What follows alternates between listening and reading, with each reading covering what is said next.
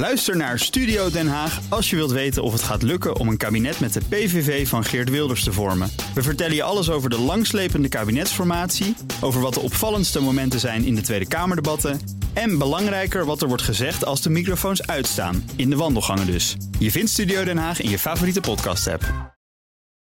The Friday Move wordt mede mogelijk gemaakt door TUI. Discover your smile. BNR Nieuwsradio.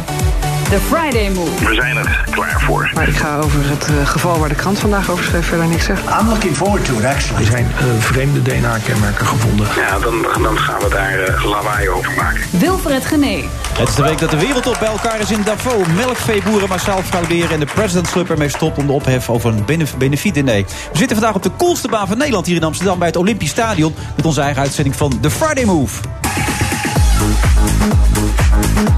Thank you. Ja, het is een bijzondere uitzending. Niet alleen omdat we op de coolste baan zitten... maar ook omdat het eerste gedeelte van deze uitzending... Bart Chabot mede co-host is. Daarna komt ook nog Kees Jansma, ook als co-host. Dus het wordt een hele drukke uitzending. En verder komt ook Annabel Nanninga voorbij. Bekend om haar provocaties als de Dobberneger. Is de lijsttrekker. Zij is inmiddels geworden van Forum voor Democratie in Amsterdam. En zij komt er alles over vertellen. En cabaretier Stefano Keizers. Hij is terug met de one-man show. Bij de try-outs liep bijna iedereen weg. Dus hij heeft hem iets aangepast. We zijn erg benieuwd hoe het geworden is.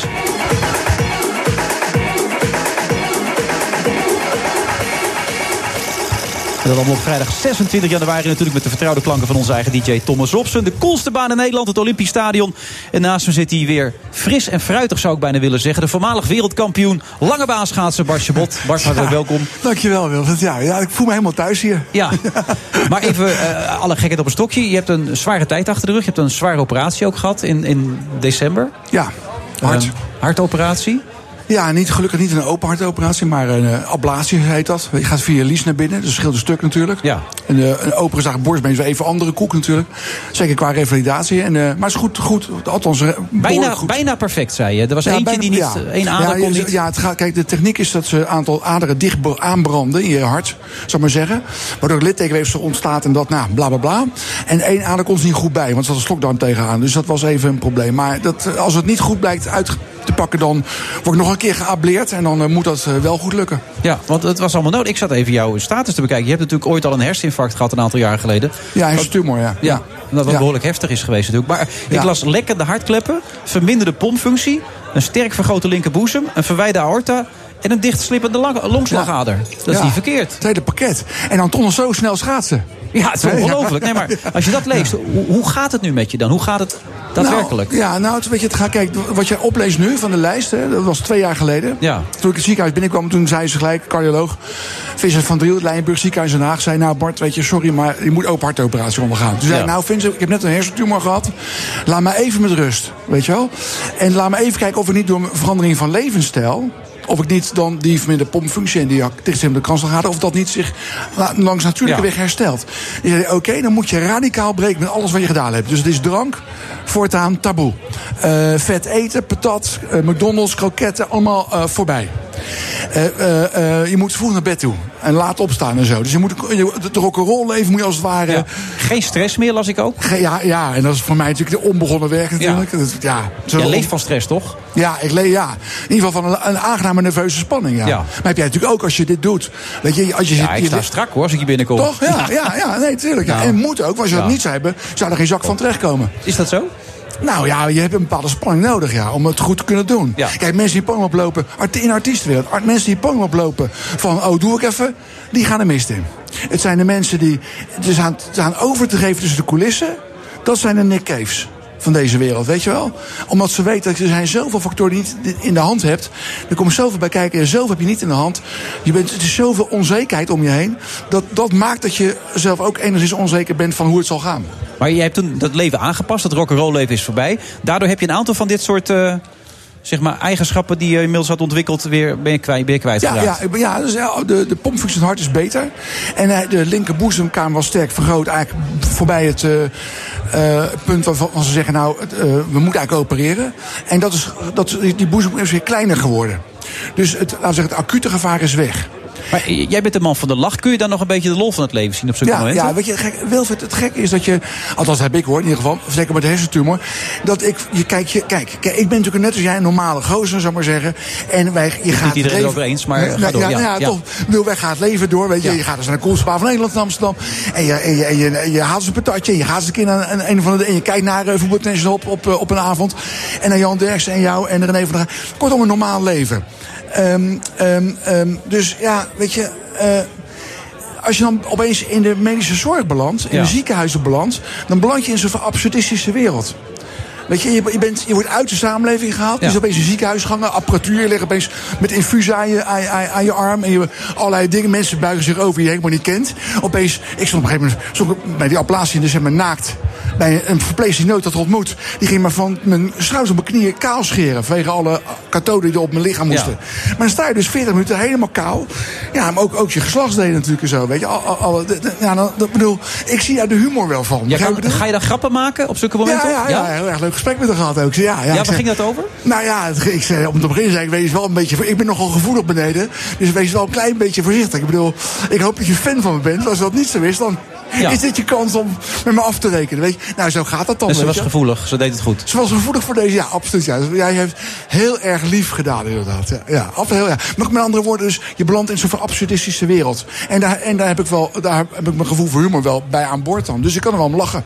En, heel belangrijk, Wilfred, je realiseert je dat het, jij zelf, dus ik in mijn geval, je bent natuurlijk totaal onbelangrijk in het geheel.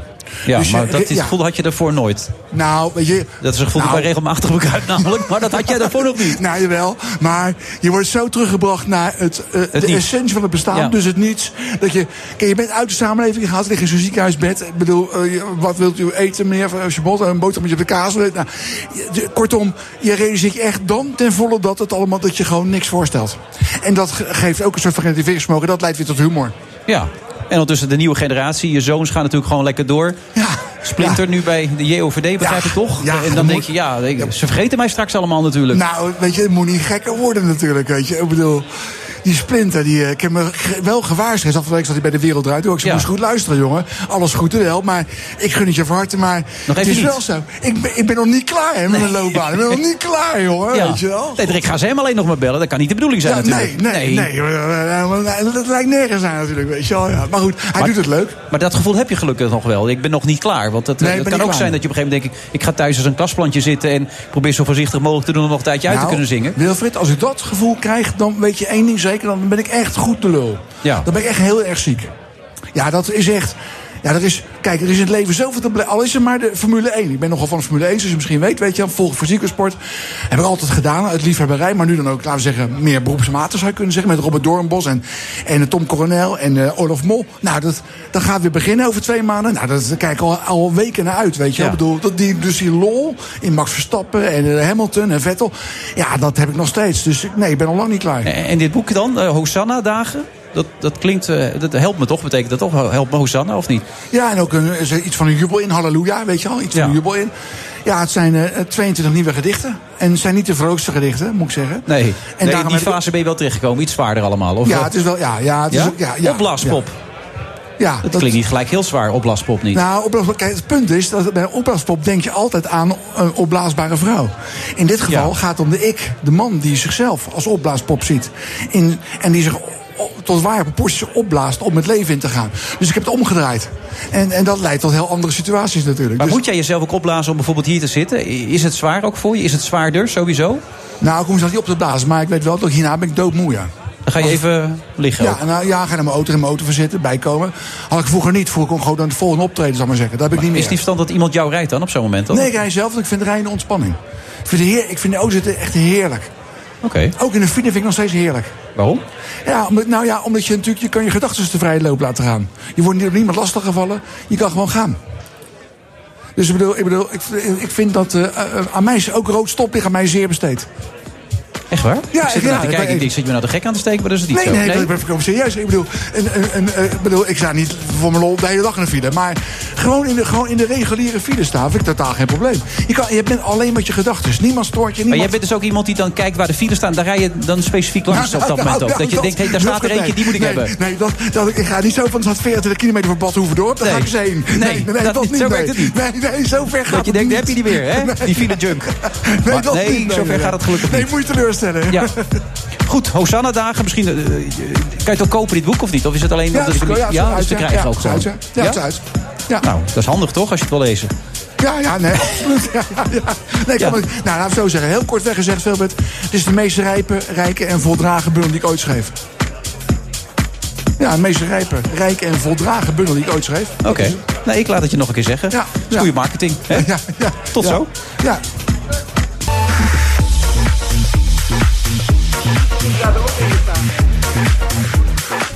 Het is hier eh, aangenaam en gezellig druk. Eh, de coolste baan in Nederland, Amsterdam Olympisch Stadion. U kunt er eventueel langskomen. Dat heeft Bart Chabot ook gedaan. Het is vertrouwd terrein voor hem. Een voormalig vijfvoudige wereldkampioen lange baan natuurlijk. En ook dichter, Zo is schrijver, het. Zo is het. levensartiest. Eigenlijk alles bij elkaar. Kenner van de Formule 1, hè? mag Ja, ik dus ook eh, Formule 1, schetsen. absoluut, ja. Kun je zelf goed rijden eigenlijk? Zelf wat gedaan? Goed autorijden, kun je dat? Naast Ja, die ik kan, file? ik kan enorm goed auto rijden. Ja, ja absoluut. Iedereen is doodsbang bij mij in de auto. Dat dacht ik al. Ja, echt waar. Nou, Ja. goed om te weten. Dat is een geruststellende gedachte Ja. voor mensen die ooit bij jou in gaan stappen. Maar je gaat er eerst even rusten en daarna ga ik je de file in. Naast ons inmiddels Jaël Finks. Zeg ik het zo goed? Jaël? Eh, ja, El, ja. Ja? Oh, Jaël is beter. Ja, je mag, het, je mag het zelf weten. Jaël. Nou, dat klinkt wel mooi. Mooie naam. Geen artiestennaam, gewoon je eigen naam. Ja, dat is echt mijn eigen naam. Ongelooflijk zeg. Willem Vedema ook geen artiestennaam? Eigen naam. Ook eigen naam. Oh, hartstikke mooi. Eh, Jij kent hem goed, Bart, hè Willem? Ja, Willem nou nog. Ik, ken Willem van Prins. ik, ik zie hem nog komen. Toen was hij niet hoger dan een kabouter. Zo, zo, Hij, zo hij is, nog- hij is niet groot. Het is nog veel erger. Eh, Bart was een van mijn eerste artiesten Ja. die ik geboekt heb. Ja. En eh, in de advertentie stond van ouwe hoer. Bart Ja. Chabot. Ja. Heeft twee keer in de oor gestaan. Ja. Ja, want voor de duidelijkheid, Willem, Willem is een van de grootste promotors van het Nederlandse Willem is de grootste geweest, absoluut. Ja. En Ja, ook de meest muziekgebied. betrouwbare. Ja, ja meest Willem is- betrouwbaar, nou, dat kan niet in dat vak. Ja, nee, betrouwbaar, ja, dat kan niet een Willem, was, een- Willem is een gozer die ze in dat vak hield aan gemaakte afspraken. De artiesten niet, maar Willem wel. Ja, nee, Ja, dat El zit te knikken. Ja, dat is echt waar. Ja, El, je Ja. hebt een boek uitgebracht, volgens Willem. Ja. Eh, waarom trouwens? Waarom heb jij dat geschreven? Eh, omdat ik het aan Willem gevraagd heb. Ik eh, kende Willem. Ik hoorde hem praten. Ik hoorde verhalen over Willem. En ik dacht, in die man zit een boek. En zo kwam het. Ja. En eh, wat vind je ervan? Wat is eruit gekomen? Is het, heeft het je stoutste verwachtingen overtroffen? Of zeg je nou, ach, hè? Nou, ik heb twee jaar lang research gedaan. Willem heeft een enorm groot archief. En iedere maandag zat ik bij hem en dan ging ik door dat archief heen. En eh stoutste verwachtingen, ja, mijn mond viel af en toe open van Nou, wat ik noem eens tegenkwam. één, één anekdote waarvan je zegt, nou, toen ik dat hoorde, ik geloofde het niet. Willem is oud-directeur bij Mojo geweest. En in de jaren negentig telden ze bij Mojo, de grote concertorganisator, negen directeuren. En eh, dat is een enorme chaos. En op een gegeven moment halen ze daar de consultants naar binnen om de boel op te lossen. En ik stuit op een conceptadviesrapport waarin gezegd, gezegd werd... Jij begint al te lachen, hè, Bart? Ja, Een het was concept echt- adviesrapport, weet je wel. ja, het was echt heel grappig. Ja. En Te die, die, die consultants, nou, hun bek viel ook open. Er werd gescholden, ge- eh, gekleineerd, genegeerd. Eh, de vergaderingen Lijkt werden niet... wel. Ja, nee, ga door. De vergaderingen werden niet genotuleerd. Sterker, er was helemaal eh, niemand. De begroting die werd bij wijze van spreken op de achterkant van een bierveeltje bijgehouden. En toen hadden we al grote stadionconcerten Ja. van Michael Jackson en Madonna. Hè. Kortom, ze hadden nog nooit zo'n chaos, zo'n vrijgevochten bende gezien als daar. Nou, ik, ik heb me wild gelachen om dat rapport. Maar, maar Willem, jij maakte jezelf wel onmogelijk, daar heb ik ook begrepen. Toch op een gegeven moment, met je gedrag. absoluut. Je eigenzinnigheid. En, Op staande voet ontslagen, ja. ja, waarom eigenlijk precies? Wat was de uit- uiteindelijke reden dan? Eh, nou, ik probeerde het imago van het bedrijf te redden en dat werd niet op prijs gesteld.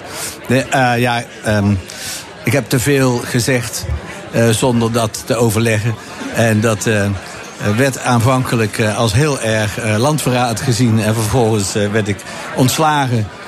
Ja, dat ging niet. En toen kon ik wel terugkomen, want het was juridisch niet in orde. Maar terugkomen bij mensen die dat allemaal niet meer op prijs stellen. Of in ieder geval een directie. Dat ging niet goed. Dus toen heb ik gezegd van nou, opkrassen, eh, opnieuw beginnen. Maar je, je klinkt nu als een hele redelijke man. Maar ben je dat ook altijd geweest in omgang? Redelijk? Eh, Ja, je begint zelf te lachen. Bart, geef jij eens antwoord. Nou, nee, laat ik zo zeggen. Toen, ik, toen ja, El bij, bij ons kwam om te vragen... kan ik een boek eh, over je schrijven? Toen zei ik van nou, maak het niet erger dan het was. Ik heb al zoveel mensen beledigd, maar dat is allemaal goed gekomen. Ja. Dit kan alleen maar weer een nieuwe ellende opleveren. Maar jij bent eigenlijk een beetje de Johan Derksen van de muziekindustrie. Alhoewel Johan daar natuurlijk ook in eh, acti- actief is. Maar jij bent een beetje de Johan Derksen op die manier? Alles zeggen eh, wat je ik, denkt, ik voel voor een aantal verwantschappen. En Ja, ook zelfde kapper zie ik ook. Eh, nou, niet? we hebben wel een hoop verwanten. eh, of, nou, we zijn een hoop muziek die we samen, denk ik, delen. Ik heb hem maar één keer volgens mij een hand gegeven. En eh, ja, eh, eh, hij verzamelt, ik verzamel.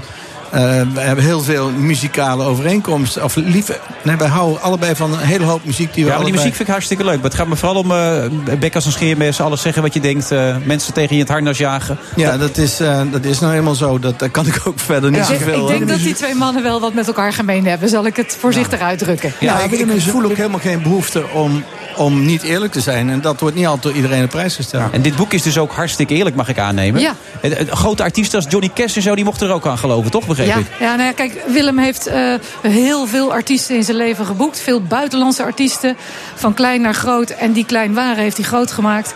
Dus eh, ja, vol... Wie heeft anekdote- die onder andere groot gemaakt? Naast Bart Chabot, die natuurlijk naast me zit te glimmen. Nou, Die- die- belangrijkste- Bart Chabot. Bart en ik hadden een wederzijds eh, eh, vriend, Herman Ja. Brood. Ja. En dat begon ook bij, eh, met, met 20, 30 man. En ehm, dat werd, eh, binnen een paar maanden was dat 2000 man. En toen werd ik ook gevraagd om dat te gaan boeken. Dus dat jij was, zag hem spelen als pianist bij Cuban Blizzards. En toen dacht Ja. je, die jongen kan meer. Eh, nee, hij kwam aan de deur vragen of hij mocht spelen. Oh. En ik vond het een hele bijzondere man. Net als Bart een soort zwak Ja. heeft voor dat soort types. En eh, toen hebben ze gezegd, ja, ik, ik denk niet dat het op dit moment kan. Want er is niemand. Maar kom een keer eh, in het weekend terug en spelen met die hap. En toen werd ik gebeld door... Fony en de Hardcore, door Erik Strak Ja, van Schijnen. Die zei ja. van, ja, ik ga nou een, een man managen... en ik heb begrepen dat jij wel iets voor hem kunt doen. Kan hij bij jou optreden? Zo is dat gegaan. En ik vond dat van meet af aan een goed idee.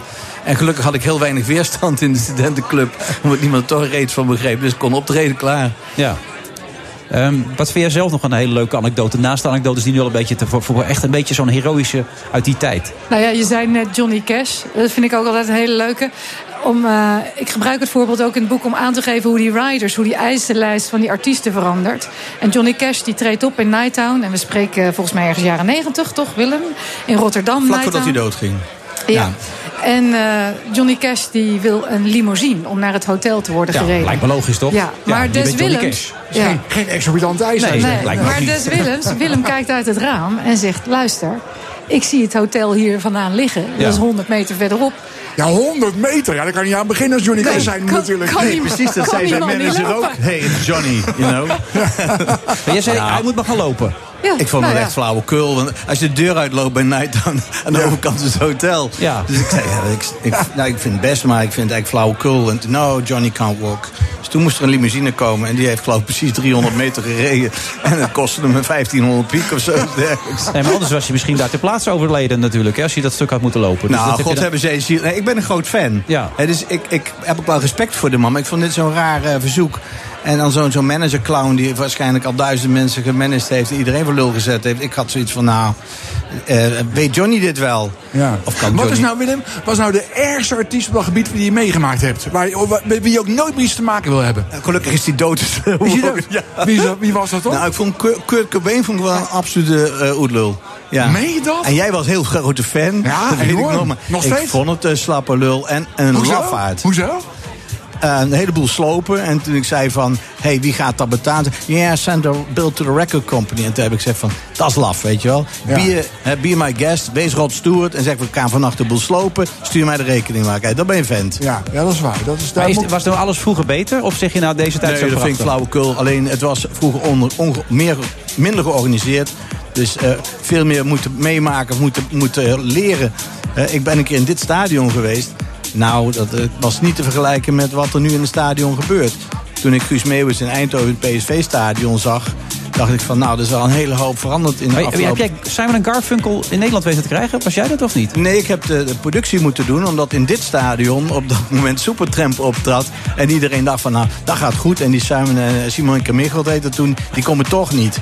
Was een maar toen kwamen ze wel. hadden- die hadden kwamen wel zelf een foutje in de regie. Ja, was een foutje in de regie, dubbel geboekt.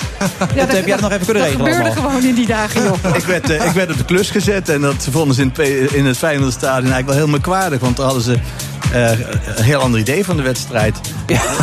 Ja.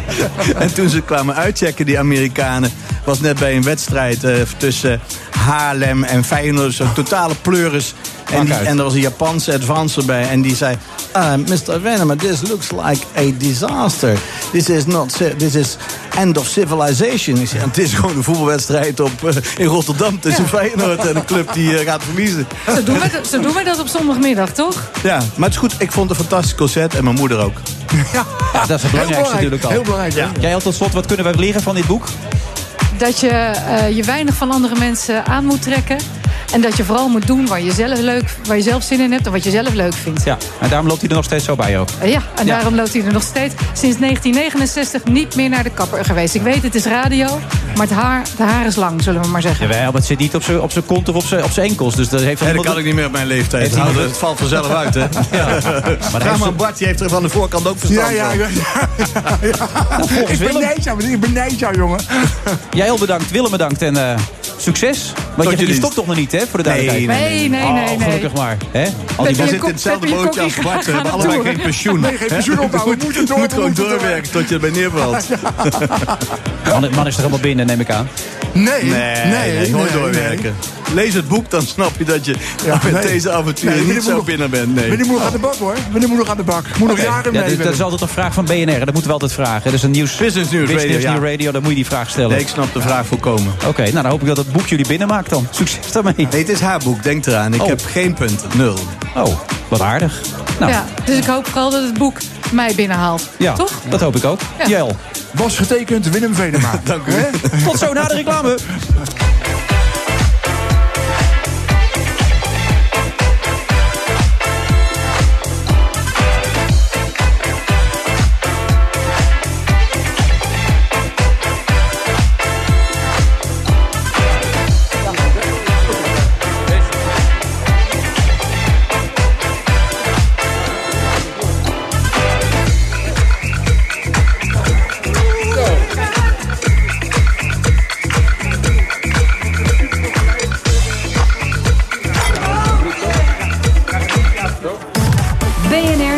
Nieuwsradio. The Friday Move. We zijn er klaar voor. Maar ik ga over het eh, geval waar de krant vandaag over schreef verder niks zeggen. I'm looking forward to it, actually. Er zijn eh, vreemde DNA-kenmerken gevonden. Ja, dan, dan gaan we daar eh, lawaai over maken. Wilfred Genee. Stefano Keizers, Annabel Nanninga en Jules Paradijs. Zij schuiven allemaal nog aan in deze uitzending van de Friday Move. En hij zit er nog steeds. Bartje Bot en inmiddels ook aangeschoven. Kees Jansma. Kees Jansma. Ja. De Kees Jansma. De Kees Jansma. Hoe komen we juist? En dan nog vanaf de coolste baan in Nederland. Bij het Olympisch Stadion. Daar kun je langskomen. U hoort al dat er veel meer mensen deze kant op zijn gekomen. En onze muziek is nog steeds van eh, DJ Thomas Robson.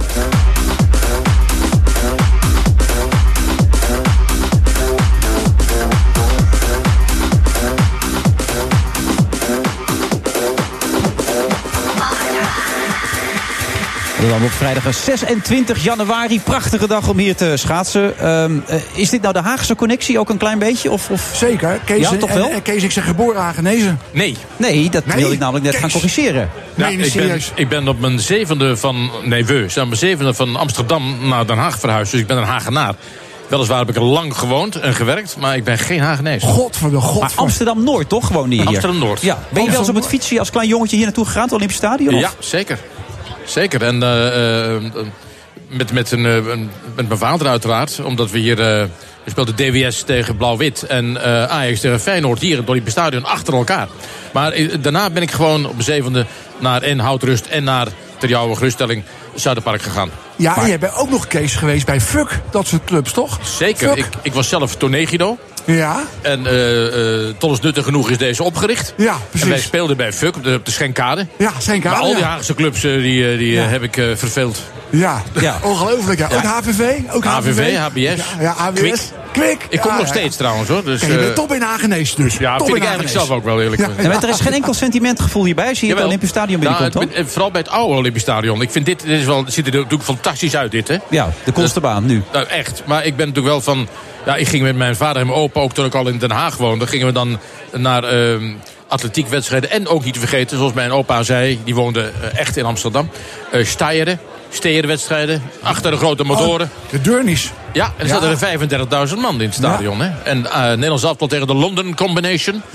Dat waren allemaal wel grote Maar toen spraken we over zwart-wit beelden en, en, en dat er nog geen riolering was, geen elektriciteit, dat soort dingen allemaal, toch? Eh, Het was Ja. geloof ik wel riolering. Ja. En een commentaar van Bob Spaak in die dagen, toch? Zeker, Ja, zeker, ja, ja. ja. Je kan me wel herinneren, die ijs, die ijsspeedwedstrijden. Ja. Ja. Speedway.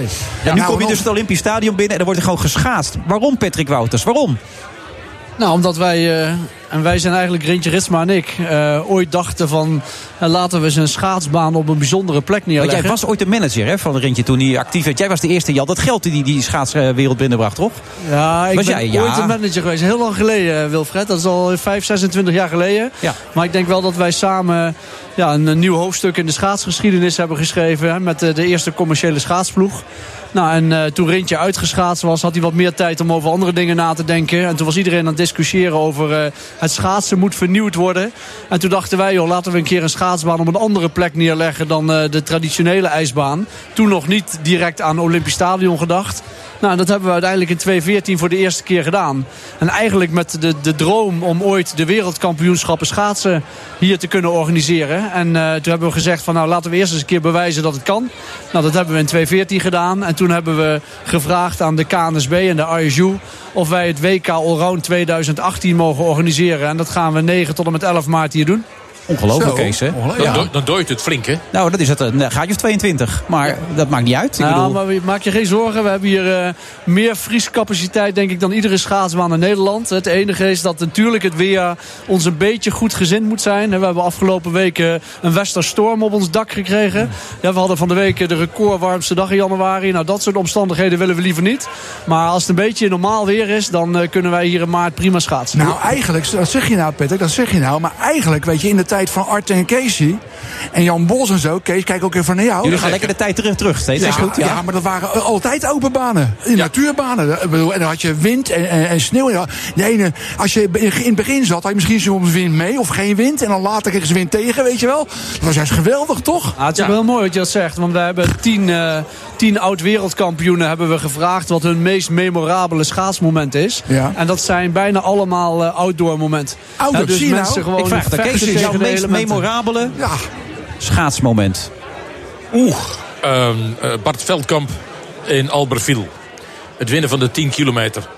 Want eh Mart Smeets, de- de gekende Mart Ja. Smeets... Mag ik die, dat eh, zeggen, die bedoel je? Ja, die. Ja. Die eh, presenteerde s'avonds eh, de, de, de show. En eh, Veldkamp zou dan natuurlijk daar gast zijn.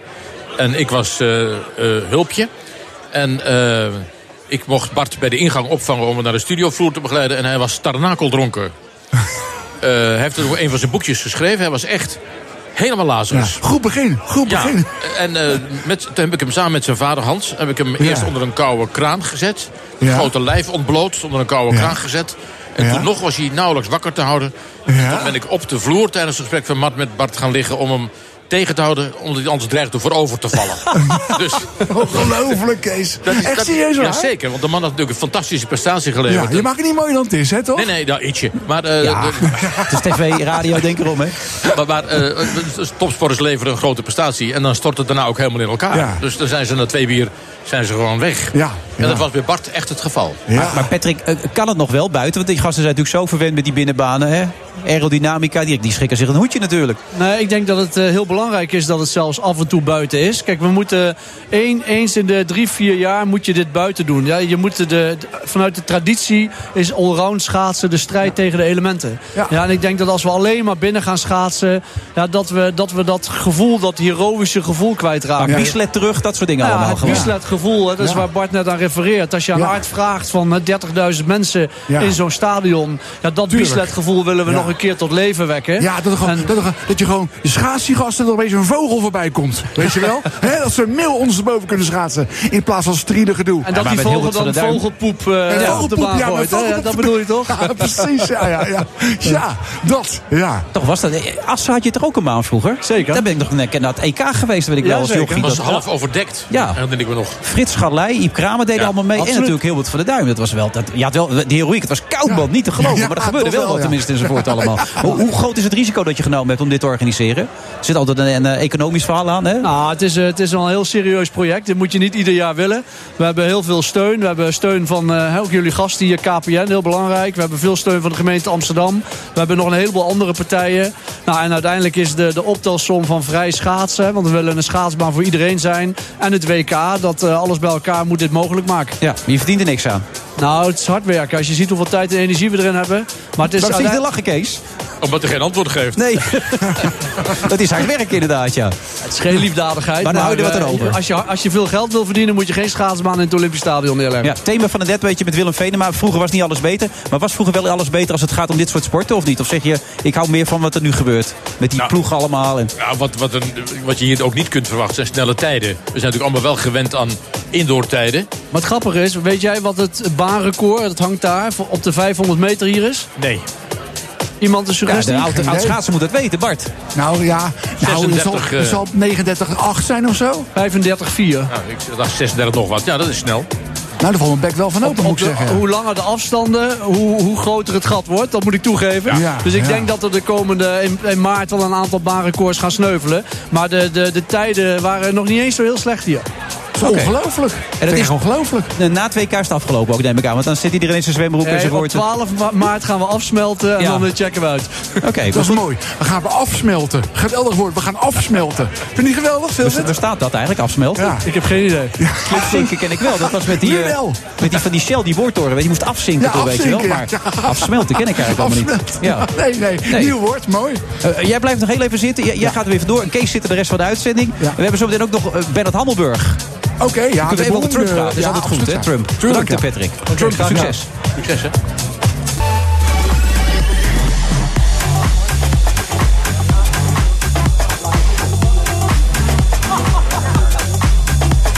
Friday Move van de vrijdag 26 januari. Het is een en al nostalgie aan deze tafel. Ze zitten een beetje in dezelfde range, denk ik dan ook. Bart Chabot, Kees Jansma en inmiddels ook aangeschoven Bennold Hammelburg. Jullie begonnen weer even over het Olympisch Stadion samen, met Duppie en zo. Ja. Hè? Bernhard is eh, eh, verreweg de jongste van ons. Maar die heeft er ook al meegemaakt eh, wat er in het Olympisch Stadion gebeurde in die tijd. Doet hij het, eh, Bernhard? Of hoop ja, je Ja, hoor hij je het, gewoon. Hey. Ja, die hectiek ben jij niet meer gewend Ja, nee, natuurlijk. de- deze koptelefoon is wat beter dan die, dus ik ben even opgeschoven. Ja, Vandaar. maar waar stond jij dan vroeger? Want Kees stond, ja, voor de kijkers, luisteraars, het is een beetje ingewikkeld. Stond in de hoek met zijn vader. Laat het op de, de Ja, hoek nee, stond ik, ergens aan de zijkant met mijn schoonvader. Dus ik was net eh, verloofd. En dat, die was een ongelofelijke Ajaxiet. Dus wij kwamen hier bij Ajax Feyenoord en van dat soort eh, festijnen. En, maar verder in de meer. Dus dat, dat was meer het huis. Maar hier kwam ik dan af en toe. En dat was toch wel iets... Ja, iets mythisch hoor, vond ik. Terwijl ik eh, hier niet zo ver vandaan ben opgegroeid. Maar het Olympisch Stadion was altijd hier, dat is een soort mythologisch gebouw. Mythologisch Ja, gebouw. vind ik wel, ja. En ik vind het fantastisch dat het ook weer zo'n heel nieuw leven heeft. Het is echt grandioos. Ja, en straks gaan ze het afsmelten dan, in Ja. maart. En Ja. dan is het weg opeens, weet je Ja, wel. dan, Dat is dan een- komt, komt er weer wat anders. Ja. Dat is toch leuk? Dan wordt weer iets aangesmeld. Eh, Even voor jou, eh, Donald Trump. Gewoon de eerste reactie. Even zo, boem, voor de vuist. Nou, het is, het is, het is eh, natuurlijk zeker de slechtste president die Amerika ooit gehad heeft. Maar voor ons is het wel heel dankbaar. Maar je ziet wel opeens waar het om gaat. Je ziet wel opeens waar de scheidslijnen lopen. Eh, je ziet opeens waar het in het leven echt om gaat. En, wat, en dat het in de politiek echt om mensen gaat. Dat het, en, dat het, en dat wat er echt belangrijk is en wat er niet toe doet. En dat is, dus het is in zekere zin, hij- kijk, het is een- zo'n rabiaat foute man. Dat daardoor worden dingen wel duidelijk. Je weet ook gelijk wie je vijanden en wie je vrienden zijn door die man. Begrijp je wat ik bedoel? Dat is een redelijke samenvatting dit voor eh, Donald Trump. Die trouwens in Davos is, daar heeft hij een speech gehouden. Laat een klein stukje horen. As President of the United States, I will always put America first, just like the leaders of other countries should put their country first also. But America first does not mean America alone. Ja, dat zijn eh, mooie woorden, Kees. Als je dit zo hoort. Ja, ik ben niet objectief. Oh, vertel. Ik vind het eh, een slechte marktkoopman. En dat vinden zoveel mensen dat het niet meer origineel is dat ik dat vind. Maar ik heb eh, de, de speech niet live kunnen volgen... maar in de auto hier onderweg nog snel een stukje laten afdraaien. Ja, die toon, het is me te gekunsteld, het is te onecht, het is te... Dat kan hij nooit menen, want het klinkt allemaal zo aangezet. En, maar ik zei al, die mening had ik al voor hij die speech uitsprak. Dus helemaal eerlijk ben ik niet in deze. Nee, maar kijk weer even naar de man die toch op een bepaalde manier fan is van Trump. Weet je wel, hij heeft ons veel gebracht het afgelopen jaar. Nee, nee, wacht even. Ja, ik heb voor- altijd voorspeld dat hij zou winnen. En, eh, Nou, dat is- in het begin niet, hè? In Nou begin, ja, nee, maar goed, maar toen, het- toen de serieus werd wel. Niet vervalsen. En, eh, Maar, maar meen je dat nou? Ja, ja. Ik heb die nacht bij de verkiezingen heb ik lange tijd gedacht dat het, het ben ook de bed gegaan, dat het eh wel een gelopen koers was voor Hillary. Ja, nou dacht hij ook trouwens. Dat weten we inmiddels dankzij dat boek van Michael Wolff. Ja. Maar goed, hoe dan ook. Ik, ik ben het dus met allebei eens. Maar ik, vind die, ik vond die speech heel slim. En het fragment dat jij liet horen, vond ik briljant. Je. moet, je moet bij Trump altijd in de gaten houden... dat hij uitsluitend praat tegen zijn eigen aanhang en zijn eigen volgelingen. Of die nou in Davos staat, of in Washington... of in het Olympisch Stadion in Amsterdam. Het maakt allemaal niks uit. Op het moment dat er een camera en een microfoon is... praat hij tegen mensen in Pennsylvania en Kentucky. En wat zegt hij tegen die mensen? Ik heb met dat America First precies geleverd wat ik jullie heb beloofd. Ze staan bij me in de rij, de bedrijven, of je alsjeblieft naar Amerika mogen komen vanwege de nieuwe belastingwet. De banen vliegen naar ons toe. Dat waren mijn twee beloften en ik hou ze. En dat is America First. En dan zegt hij, omdat hij, wat Kees ook zegt, ja, daar toch een soort eh, voorstelling staat te geven, iets heel handigs. Want hij zegt, ieder norm, iedere normale leider denkt eerst aan zijn eigen land en zijn eigen volk. En dat doe ik ook. En als je dat allemaal doet, kun je prima met elkaar samenwerken. Not alone, zei hij ook erbij. Not alone. Dus Ja. dat, dat betekent, ja, betekent dat, wij, ik, dat ik eerst aan mijn eigen land denk is goed. Maar ik weet ook dat ik niet in mijn eentje op de wereld ben. Dus ik vond het. ehm, ik weet niet wie, wie, wie het heeft geschreven. Maar degene die het heeft geschreven vond ik heel slim.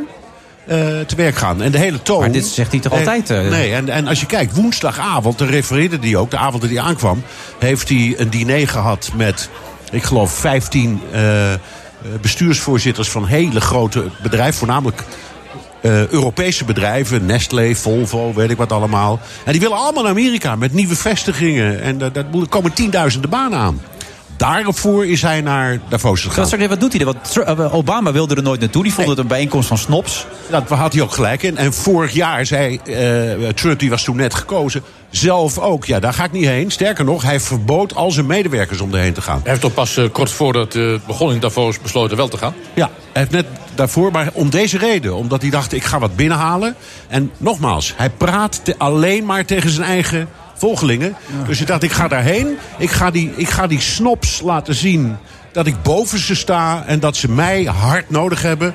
En dat het geld naar ons toe stroomt. Dat heeft hij ook letterlijk zo gezegd gisteren op een eh, klein eh, persbijeenkomstje.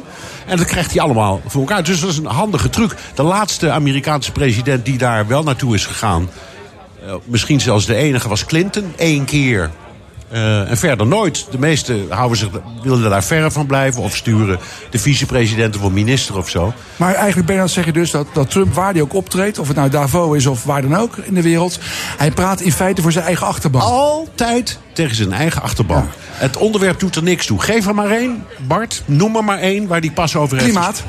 Klimaat gaat over Kentucky, want daar wonen de mijnwerkers. Gaat over Kentucky, ja. Kentucky wonen de mijnwerkers. En in, en in, in, in Wyoming. Ja. En hij zegt dus, die klimaatafspraken zijn waardeloos. Want we hebben honderdduizenden mensen werkeloos gemaakt. En ik Ja. zorg dat die mijnen weer open Maar gaan. Bernard, Bernard, moet je luisteren, als je dat zegt... dan zeg je toch tegelijkertijd ook dat dat, dat, dat dus een leider is... voor eh, preken voor eigen parochie en dus ook geen wereldleider. Nee, precies. Dat klopt. En hij zegt Maar dat is- zegt hij toch ook met ja, maar dat zegt hij ook. Hij dat zegt zegt hij ook, ja. En hij zegt het is ook helemaal niet nodig. Want wij zijn nu eenmaal de grootste. Kolen.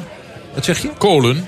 Kolen, Hij, ja. heeft, hij heeft heel wat eh, beloofd op het gebied van... eh, Hetzelfde verhaal. Dus ook Kentucky, Wyoming, West Virginia. Dat zijn waar de kolenmijnen maar zijn. dat heeft hij toch niet waargemaakt, of wel? Nou, een paar. Dus, eh, kijk, hij gaat er helemaal niet over, want die staten gaan erover.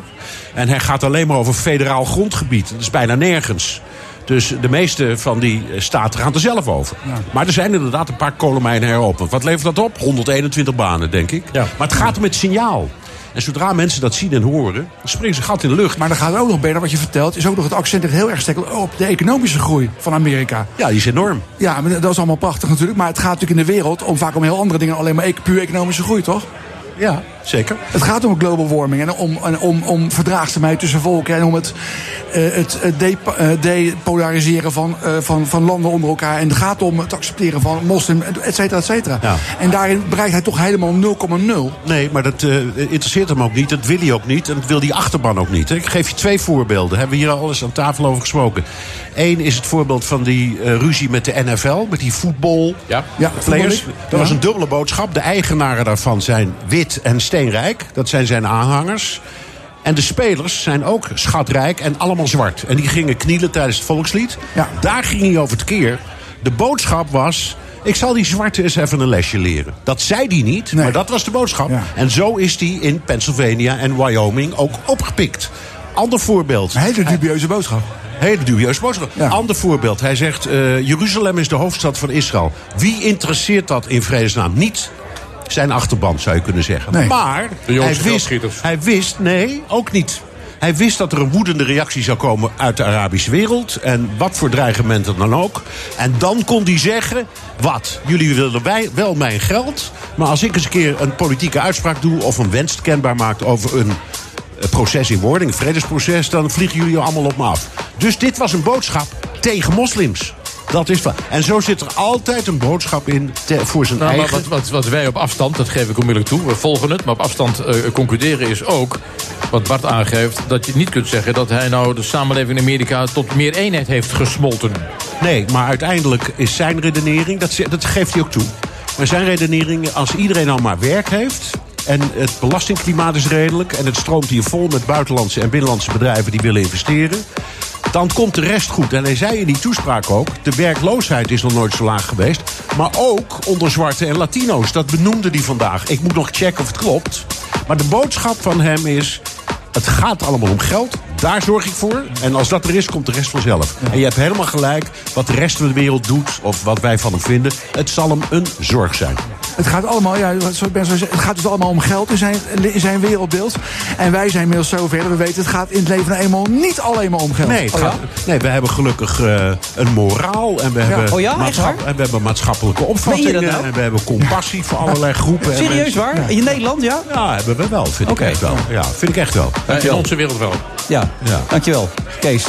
Je was klaar nu. Oh nee, Bart is klaar. Sorry. Bart, ontzettend bedankt ja, graag gedaan, voor jouw aanwezigheid. Ik zou zeggen, trek nog een baantje. Ja, ja. Hè? Wel linksom, hè? Ja, Ik, ga, ik doe het heel voorzichtig. Ja. Ja, altijd belangrijk natuurlijk. Eh, Bernard, bedankt. En wij gaan zo door, Kees. Tot zo, na de reclame. BNR Nieuwsradio. The Friday Move. We zijn er klaar voor. Maar ik ga over het eh, geval waar de krant vandaag over schreef verder niks zeggen. I'm looking forward to it, actually. Er zijn eh, vreemde DNA-kenmerken gevonden. Ja, dan, dan gaan we daar eh, lawaai over maken. Wilfred Genee. Vanaf de coolste baan van Nederland in het Olympisch Stadion... met onze eigen DJ Thomas Robson.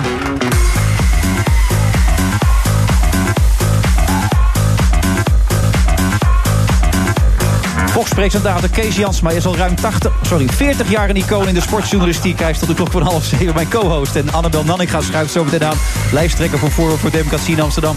Provocatie is haar handelsmerk, maar hoe werkt het als politicus eigenlijk? En, en Stefano Keizers en Jules Paradijs, ze zijn er al. Althans, Jules heb ik gezien, Stefano nog niet. Maar ze komen wel in deze uitzending van The Friday Move.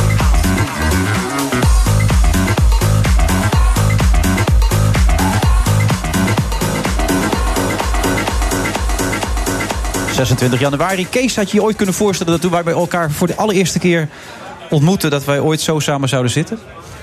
Eh, Nee, maar ik kan me ook niet meer goed herinneren wanneer die allereerste keer was. Want dat is, dat is volgens jou al bijna 80 jaar geleden. Ja, nee, dat is het zeker inderdaad. Maar toen eh, spatte het vuurwerk er wel vanaf de allereerste keer. Oh, dat hebben we nog steeds, toch? Af en toe? Ja, maar niet op die in die mate volgens mij meer. Want we hebben door de jaren heen wel, wel onze discussies gehad, volgens mij. Maar inmiddels worden we wat ouder en wijzer, toch? Althans, jij. Ja, ik zeker. Ja, ja. En eh, nieuws is ook dat je nog weer doorgaat. Want eh, elk jaar roep je, nu stop ik echt Ja. mee. Het is mooi geweest bij Fox, maar...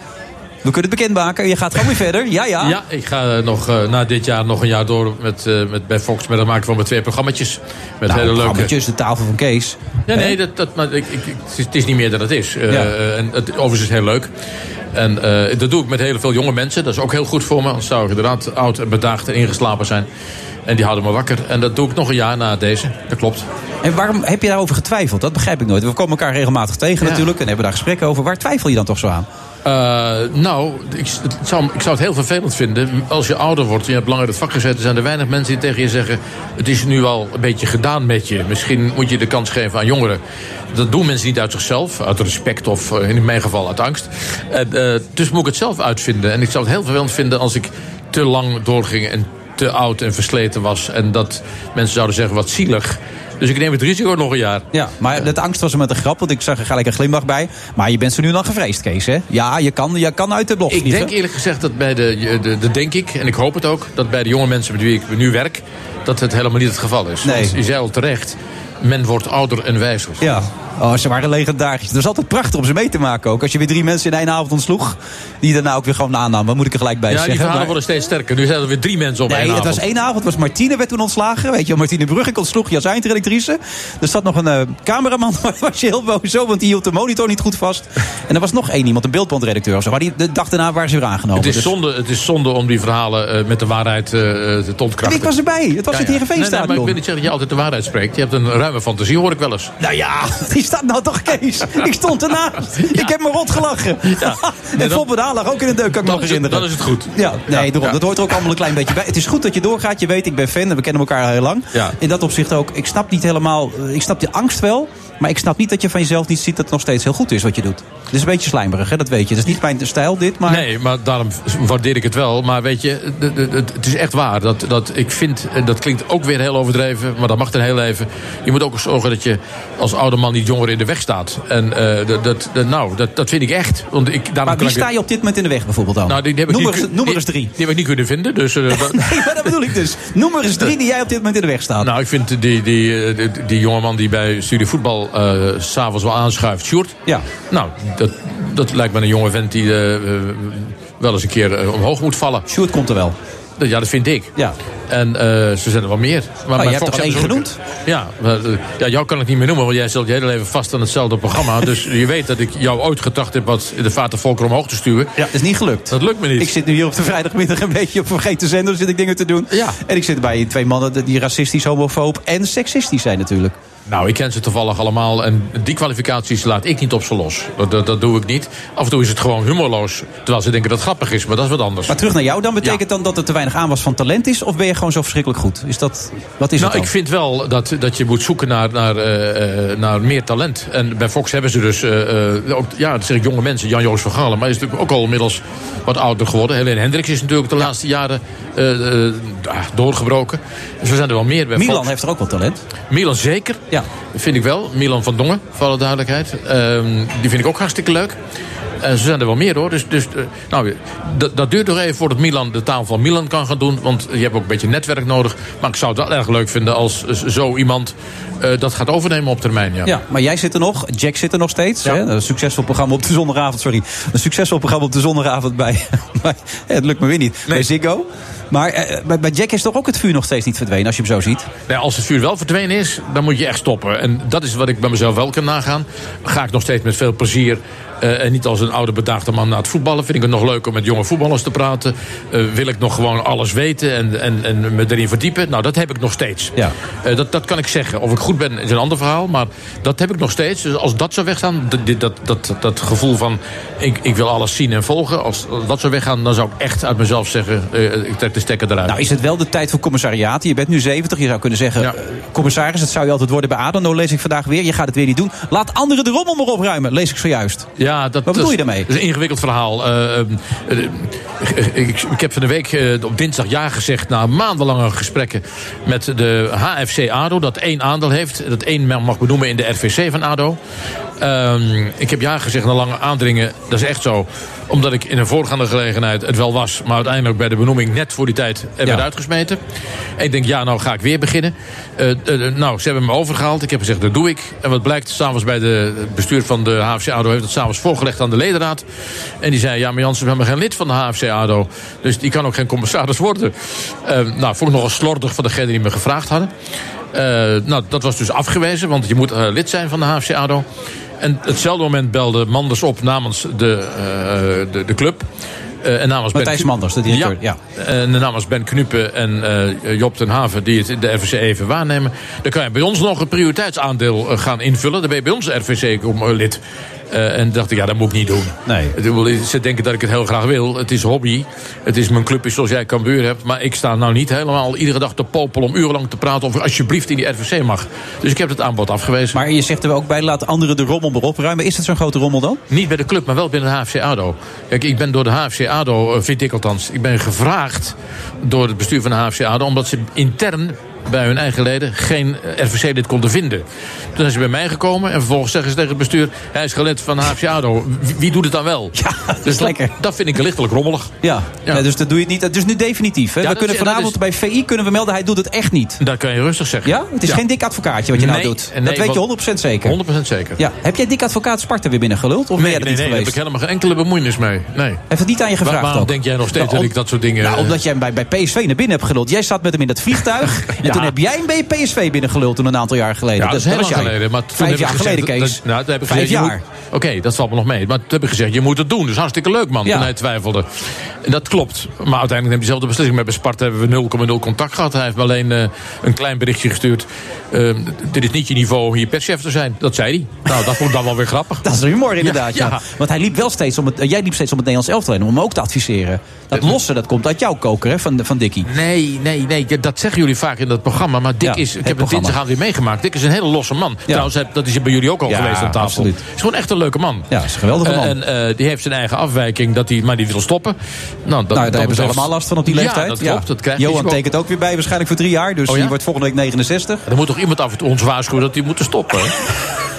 maar Dick, Dick is toch niet achterlijk. Die gaat toch niet zich laten, eh, eh, laten opleggen door bijvoorbeeld mij wat hij moet doen in zijn leven. Dat weet hij heel drommels goed zelf. Ja, nou inmiddels niet meer heb ik de indruk. Want ik denk dat hij over twee weken opstapt, denk je niet? Nou, nog, ja, het is vanavond, hè? Heerenveen Sparta. Ja. Dat wordt wel vrij cruciaal voor hem, ja.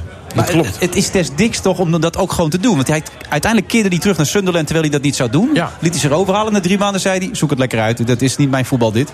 Dus ik zie het hem ook zo nog doen bij Sparta. Toch? Of kan dat niet met, met Leo Beenhakker op de Nee, hij kan, hij kan nu niet. hij kan- Hier kan hij niet mee stoppen. Eh, hij zal hier de gifbeker eh, eh, moeten legdrinken tot het einde. Want ik ben niet optimistisch over de kans van slagen. Nee. Eh, het zou een wonder zijn als hij het wel zou redden. Want je weet dat bij die club meerdere grote trainers zijn gesneuveld. Hè? Van, van Mos tot Frank Rijkaard. Ja. En, en eh, Ja. Henk de Kaat is ooit niet gepromoveerd met Sparta toen hij er bijna was. Dus het is Nou, niet... Frank Rijkaard moest er nog eigenlijk een beetje doorgroeien, toch? Die ging, ging daarna naar Barcelona toe, volgens mij, Ja, toch? vijf maar hij jaar. was al bondscoach geweest toen op dat moment. Ja. Dat klopt. En, eh, dus- dus Dick eh, heeft hier een gok genomen. Maar Dick is echt, echt gewoon obsessief gepassioneerd voor voetbal. Ja. En eh, ja, die vindt het leuk om op het veld te staan met, met, met die jonge spelers. Ja, nou ja, hij komt tot ontdekking, heel voorzichtig, dat ze niet zo goed zijn. Nee, dat is wel duidelijk inderdaad, ja. Het Nederlands voetbal, je hebt er lange tijd als perschef gezeten. Bert van Marwijk nu naar Australië. Ja. Heb je daar nog contact mee gehad dan? Jazeker. Eh, ik kan nu wel verklappen, wat niemand weet... is dat we dinsdagavond, eh jongsleden...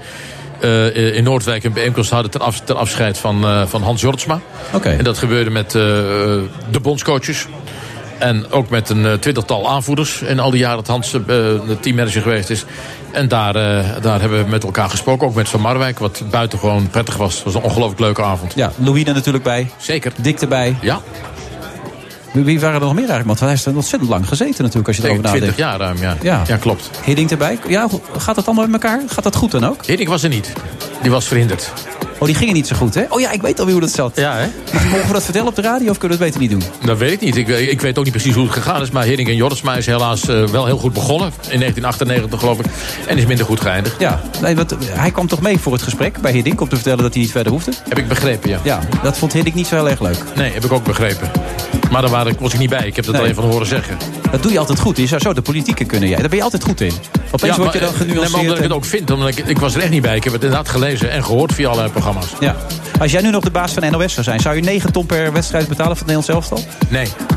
Hoeveel zou je het betalen voor? Hangt er helemaal vanaf. Want dan krijg je die, die som die Marco Laurens bij jou ook maakt op vrijdagavond. Ja, Hoeveel dus levert het eigenlijk op? Ja, 450.000 levert het ongeveer op per wedstrijd.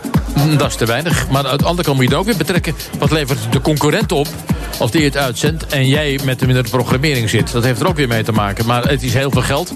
Eh, terwijl het eh, pas eigenlijk volgend jaar... voor het Nederlands elftal, wat heet het, voorjaar van 2019... om het echt gaat. Want die Nations Cup, daar zijn we natuurlijk vrij kansloos in. Ja, maar wel lekkere wedstrijden, toch? Of zeg je nou, daar kijkt geen mens naar? Nee, daar kijken we natuurlijk. Maar ja, het is wel gek. Want eh, ik, ik las ook weer de oefenwedstrijd Portugal-Nederland. 26 maart, dat is een maandagavond. En dat ga je ook krijgen met die wedstrijden om de Nations Cup. Hé, daar zijn we vrij. Ben je dan vrij? Ja, daar ben ik vrij. Nou, dat maakt niet uit. Ik zit er even op na te denken. Ja, ja, ja. dat is een vrij egoïstische gedachte. Maar, ja, ja. maar het is wel een gekke avond. Eh, eh, in Genève, een vriendschappelijke wedstrijd tegen Portugal uitzenden op een maandagavond. Ja, tel uit je winst. Eh, En dat gaat ook nog gebeuren met die wedstrijden tegen Frankrijk en Duitsland. Dat wordt op vrijdag en maandagavond. Soms. Jij stemt VVD, hè? Ik? Ja. Nee. PvdA. Dat heb ik mijn hele leven gedaan, ja. Maar niet meer. Jazeker. Maar nog steeds. Ik ben even de weinige. Nou, we gaan het zo hebben over Forum voor Democratie bijvoorbeeld ook. Wat vind je daarvan? Eh, ik weet niet hoe het in Amsterdam gaat, maar het is niet helemaal mijn cup of tea. Nee. Jezus, daar wat een zin. Zometeen in deze uitzending. Tot zo.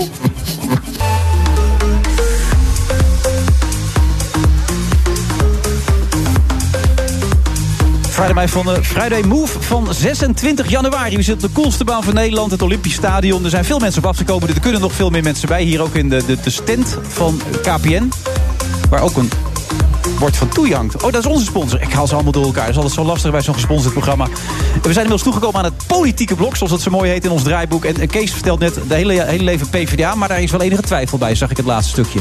De laatste keren wordt het toch wel een beetje dat je denkt, moet ik het nog wel doen?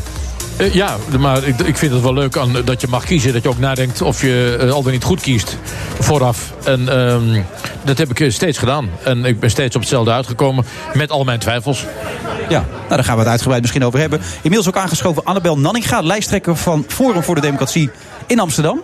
Hartelijk welkom. Goedemiddag. Ja, en politiek verslaggever Jeroen Stans. Even, eh, de- ge- wat lees ik hier? Hekken, het is gewaar. De Russen, Amerika. Ja, dat grote verhaal van Nieuws in de Volkskrant eh, vandaag, ja. Nou, eh, Rutte had ik net zijn wekelijkse persconferentie... en dan zegt hij, ik heb geleerd, en dan krijgen we een algemeen praatje... dat je nooit moet bevestigen, nog ontkennen. Als je dat dan zegt, dan bevestig je het weer. Dus hij zegt, ik zeg er helemaal niks over. Ja, dat ja. was enigszins verwarrend. Maar ze hebben wel, de ministers hebben wel gezegd... dat ze allemaal heel trots zijn Ja. op wat de diensten dan doen. Dat klinkt dan toch in mijn oren als, ja, het klopt. Dat er gehackt is. Ja. Oké. En dat ze heel trots zijn op Maar de waarom zeggen IVD. ze dat niet dan, Jeroen? Waarom zeg je dat nou niet gewoon? Ja, eh, ik wil het wel zeggen, maar de ministers willen dat niet zeggen. Maar waarom niet? Ja, omdat het geheime diensten zijn. Ja. Ja, dan zeggen ze, ja, daar kunnen we niks over zeggen. Wat een gedoe ook allemaal. Dat, dat- politiek, weet je wel. Naast me zit dan een de voormalig ehm, columniste. Die ongelooflijk uitgesproken was. Is, is politica geworden. En er komt alleen maar genuanceerdheid opeens uit. Annabel lees ik Is dat overal. zo? Ja, ik las een column in het Parool.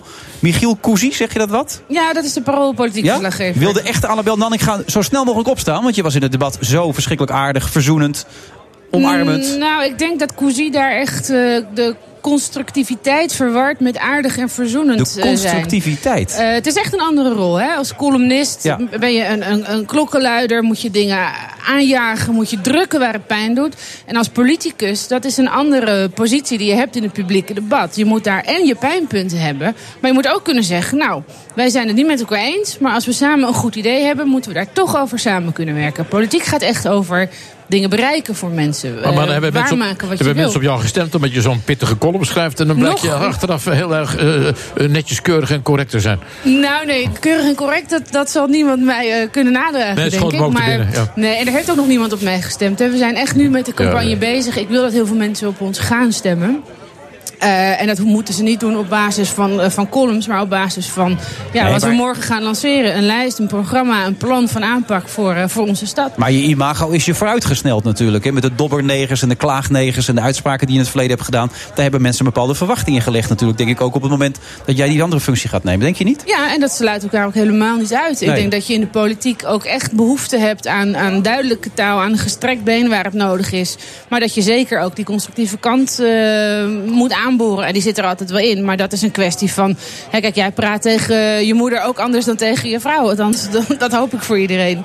Eh, dat zijn verschillende, verschillende rollen. Dat is zoals je zeggen in het programma wat ik presenteer op vrijdag en maandag. Dat- en en, en ja, thuis kan ik me er iets bij voorstellen inderdaad. Het is een Maar- ander veld. Maar je doet het toch- ook vanuit slimheid, schrijft diezelfde Cousy. Want die zegt nog een paar keer dat gezeik over die columns van haar. En dan is ze er ook vanaf. En dan kan ze het mooi allebei gaan Ja, gebruiken. joh, want daar gaat het de kiezer toch ook helemaal niet om. Het, gaat, het is natuurlijk altijd, er zijn altijd mensen die daarover beginnen. Van jij hebt ooit eh Kankerstad gezegd of kutstad? eh, Ja. Nee, kanker zou ik Nee, nooit zeggen. Maar je ja, gezegd, ja. jij hebt ooit grove Amsterdam. dingen gezegd. En dat is natuurlijk altijd heel makkelijk om daar altijd maar op te blijven terugkomen. Maar dat raakt ook een keer uitgewerkt. En kiezers die boeit dat ook helemaal niet. Die willen gewoon weten wie ben je, waar sta je voor, wat gaan jullie doen.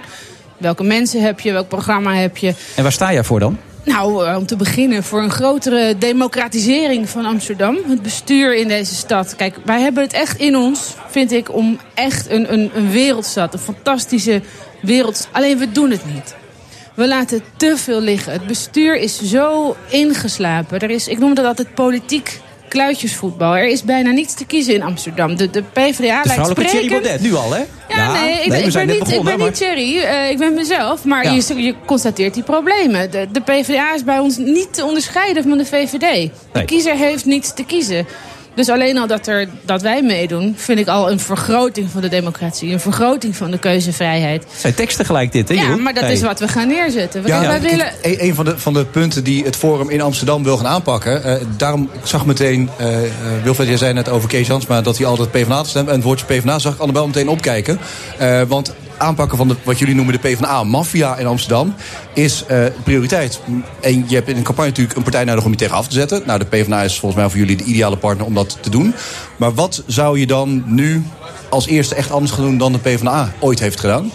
Nou ja, je zou bijvoorbeeld eens kunnen kijken naar... wordt het niet eens tijd dat we de gekozen burgemeester gaan invoeren in dit land? Dan hoor ik je zeggen, ja, dan moet je voor in Den Haag zijn. Dat klopt, en ik ben daar blij dat je dat met discussie me eens bent. Eh, dan moet je inderdaad allemaal eh, de dat, landelijke dat is, dat is voor Democratie afgelopen stemmen. week geregeld. Dat nee, maar het ligt ook aan de politieke weg is, wil om afspraken met elkaar te maken. Om afrekenbaar te zijn. We hebben een wethouder onderwijs die zegt... oh, ik vind mijn baan wel cool. Ik vind mijn baan wel leuk. En ik geloof niet in targets. Ik denk, je moet iemand doelen stellen. Amsterdammers verdienen afrekenbaar bestuur.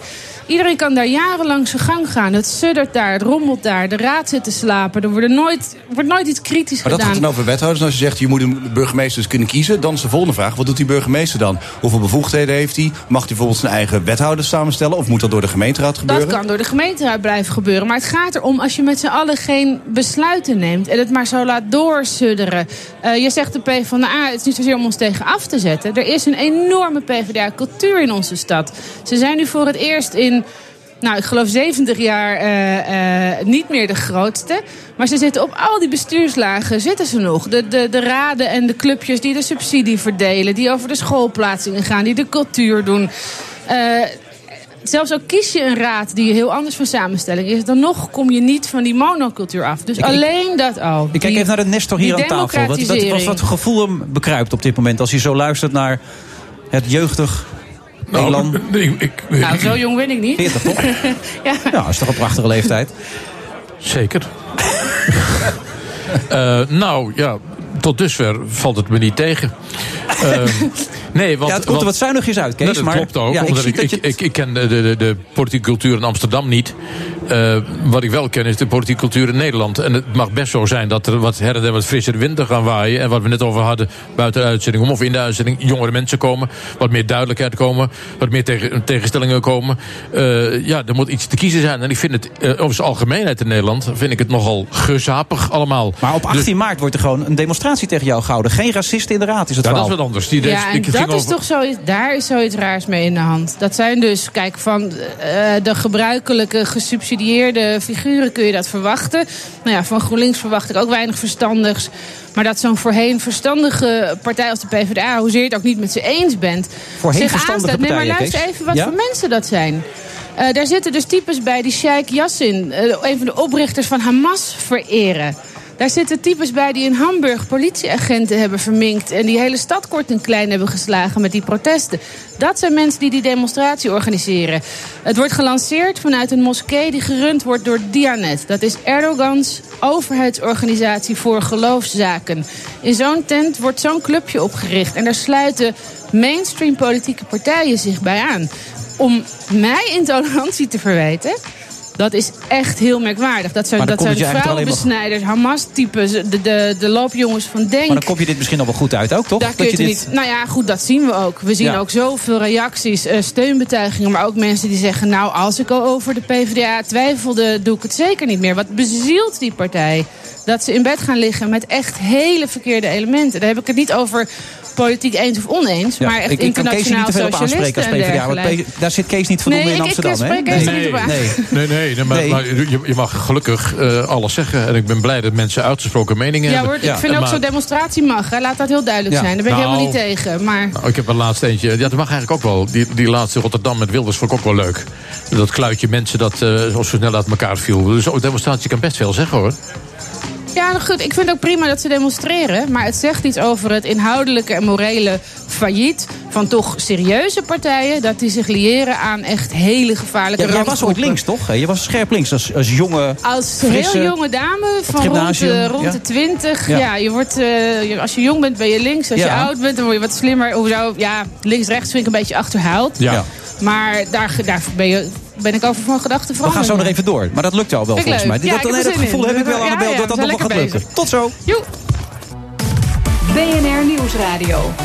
The Friday Move. We zijn er klaar voor. Maar ik ga over het eh, geval waar de krant vandaag over schreef verder niks zeggen. I'm looking forward to it, actually. Er zijn eh, vreemde DNA-kenmerken gevonden. Ja, dan, dan gaan we daar eh, lawaai over maken. Wilfred Genee. Op de dag dat Trump de wereldrijders in Davos toespreekt... de Volkskrant met een onthuld artikel komt over de rol van de AIVD... naar de Russische bemoeienis met de Amerikaanse presidentsverkiezingen... en het feit dat Kees Jansma hier nog steeds zit.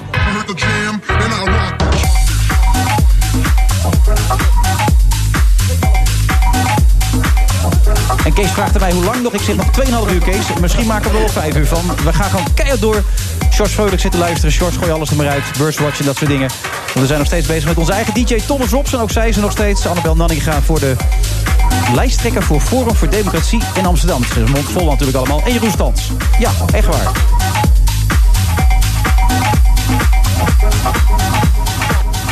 Nog even terug naar ADO. Ik begrijp dus dat, dat Tom Beugelsdijk mag geen lijstduwer zijn voor Groep de Bos, heb ik begrepen. Heb jij dat ook gehoord, eh, Kees? Dat heb ik ook gelezen, ja. Wat vind je daarvan? Zou nou, dat FIFA-reglement Ja, zijn of dat zoiets? begrijp ik ook, dat het niet mag. Je mag niet als, eh, als voetballer, als beroepsvoetballer... blijkbaar ook nog een politieke functie bekleden. Zelfs is het een, een vrijwillige. Je mag, dat mag blijkbaar niet. Ongelooflijk. Maar ik denk dat ADO het gewoon niet wilde waarschijnlijk. Die vonden dat niet zo fijn. Die hebben er iets opgezocht, regeltje of... Ik, dat zou best kunnen. Ja. Dat zou getuigen van beleid. Wat er heel vaak aan ontbreekt, bedoel je? Of? dat zou ook kunnen. Ja, maar dat doe je geen... Het zou zo'n politicus kunnen zijn, Kees. Hoor je dat of niet? Ja, ja, Kees, ook, eh, ook voorzichtig altijd goed Ik weet niet of technisch. je nog een partij eh, zoekt nu, toch bij de PvdA eh, weg bent. eh. Nee, dat zei ik niet, dat ik bij de PvdA weg was. Onze deur nee, nee, nee. open. Er zijn bepaalde Kunnen we hier normen en waarden binnen de PvdA... die ondanks dat de partij slinkt tot nog de mijne zijn. Dus daar ben ik niet weg. Maar zou je er iets voor kunnen voelen, voor Democratie? Nee. nee. Waarom niet dan? Nou, eh, ja, ik, ik, ben, eh, ik, ik, ik ga nu af als, als het gaat over mevrouw Nanninga, over wat ik gelezen heb. Dus dat wordt nu enigszins genuanceerd. Maar ik, ik ben eh, bij mijn partij gegaan, ooit heel lang geleden, Wilfried hier in Amsterdam. Toen de PvdA nog op 1 mei met de rode vlag over straat liep. Zo ben ik opgevoed. Met van mijn vader uit één ding. Wat je ook doet, wat je ook gaat worden. Hoeveel je ook verdient of niet. zorg voor de medemens. welke kleur die ook heeft, waar die ook vandaan komt. En dat klinkt allemaal heel hoogdravend. Maar dat zit er bij mij ingebakken. En dat gaat er niet meer uit. Nou, dat klinkt prachtig, maar daar heb je toch de PvdA niet voor nodig? Eh, nou, eh, naar mijn mening wel. Eh, Die zou het een wat meer uitgesproken moeten doen, ja.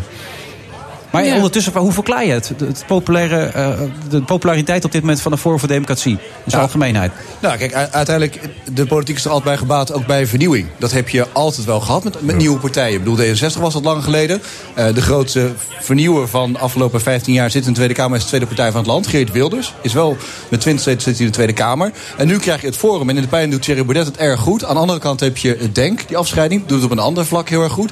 Dus je krijgt gewoon altijd nieuwe partijen. Alleen waar- een ander punt daarbij... en dat zal Annabel ongetwijfeld zijn tegengekomen, denk ik, de afgelopen tijd.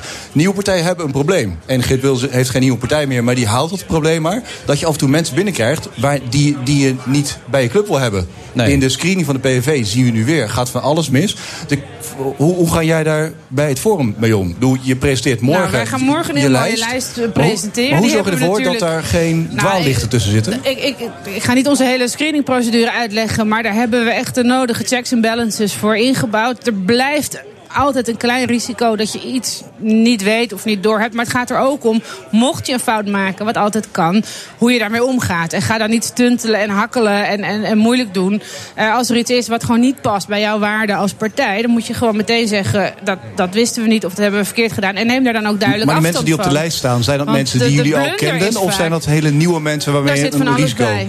Loopt? nou ja, risico nemen we nooit. Maar daar, zit, daar zitten allerlei mensen bij. Mensen die, die ons gezien hebben in de media. Die blij waren dat we in Amsterdam mee gingen doen. Die zich spontaan aanmelden van... ik ben zo blij dat er eindelijk eh, weer, weer iets anders komt in Amsterdam. Of eh, wat ik ook heel vaak hoor... ik ben nooit lid geweest van een partij... maar nu voor het eerst wel van Forum. Of ik heb al jaren niet meer gestemd in Amsterdam. Ik ga nu wel stemmen.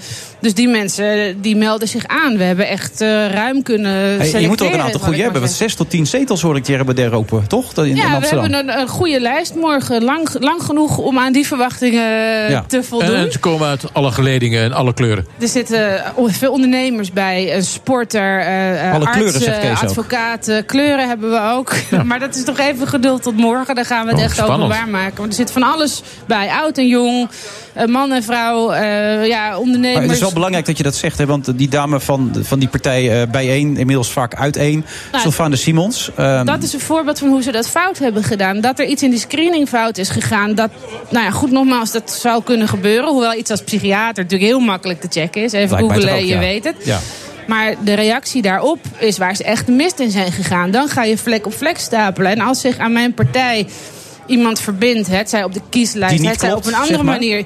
Ja, dan moet je toch gewoon heel duidelijk zijn. Die en klopt zeggen, nou, als het, als het waar is, wat er, hè, dan moet je checken met zo iemand. En dan moet je daar gewoon helder in zijn. Maar wie, wie screent er nou eigenlijk? Nou ja, dat doet eh, binnen de partij eh, allerlei mensen. Wie heeft jou gescreend dat. dan? Nou, dat ga ik allemaal niet vertellen. Dat Nee? Zijn, nee, dat zijn interne Nou, ja, zaken. je bent maar er toch.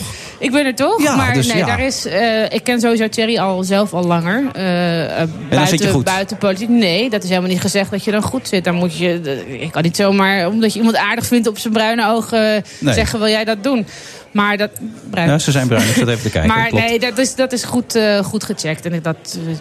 Maar ja, goed, de- diezelfde Sylvana Simons zegt over jullie partij dat, dat hij de mensenrechten niet erkent en aanzet tot haat. Ja, die moet ook wat zeggen. Ik denk oh, dat, zij zijn zich, gewoon teksten voor de bühne, zeg jij. Ik denk dat zij zich beter op haar eigen eh, problemen intern eh, kan richten. En dat is weer typisch zo'n voorbeeld van eh, andere partijen die zich ja, bedreigd voelen of willen afzetten. En ik denk, vertel gewoon je eigen verhaal. Vertel gewoon waar jij mee staat. Kiezers houden ook niet van dat modder gooien van jij bent eh, stom en fout en dit en dat. Je kan best eens kritiek op elkaar hebben, maar dan eh, inhoudelijk zeg dan gewoon... ik vind dat en dat van die partij een zwakke wethouder, want zus of zo. Nou, Erik van der Burg, Burg? die heeft ook wat over jullie gezegd. VVD, wat waarschijnlijk jullie grootste concurrentie, die zegt het volgende over jullie. Mijn stelling is ook richting Forum.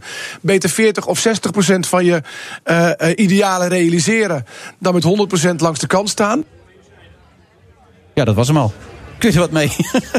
Ja, ik, ik weet niet zo goed wat hij eh, bedoelt. Je gaat natuurlijk de politiek in omdat je idealen Ja, hebt en dat maar je dat je compromissen moet sluiten en dat je op een gegeven moment en De realiteit is natuurlijk, tenzij je een absolute overmacht hebt, dat je niet 100% alles kan doen wat je wil.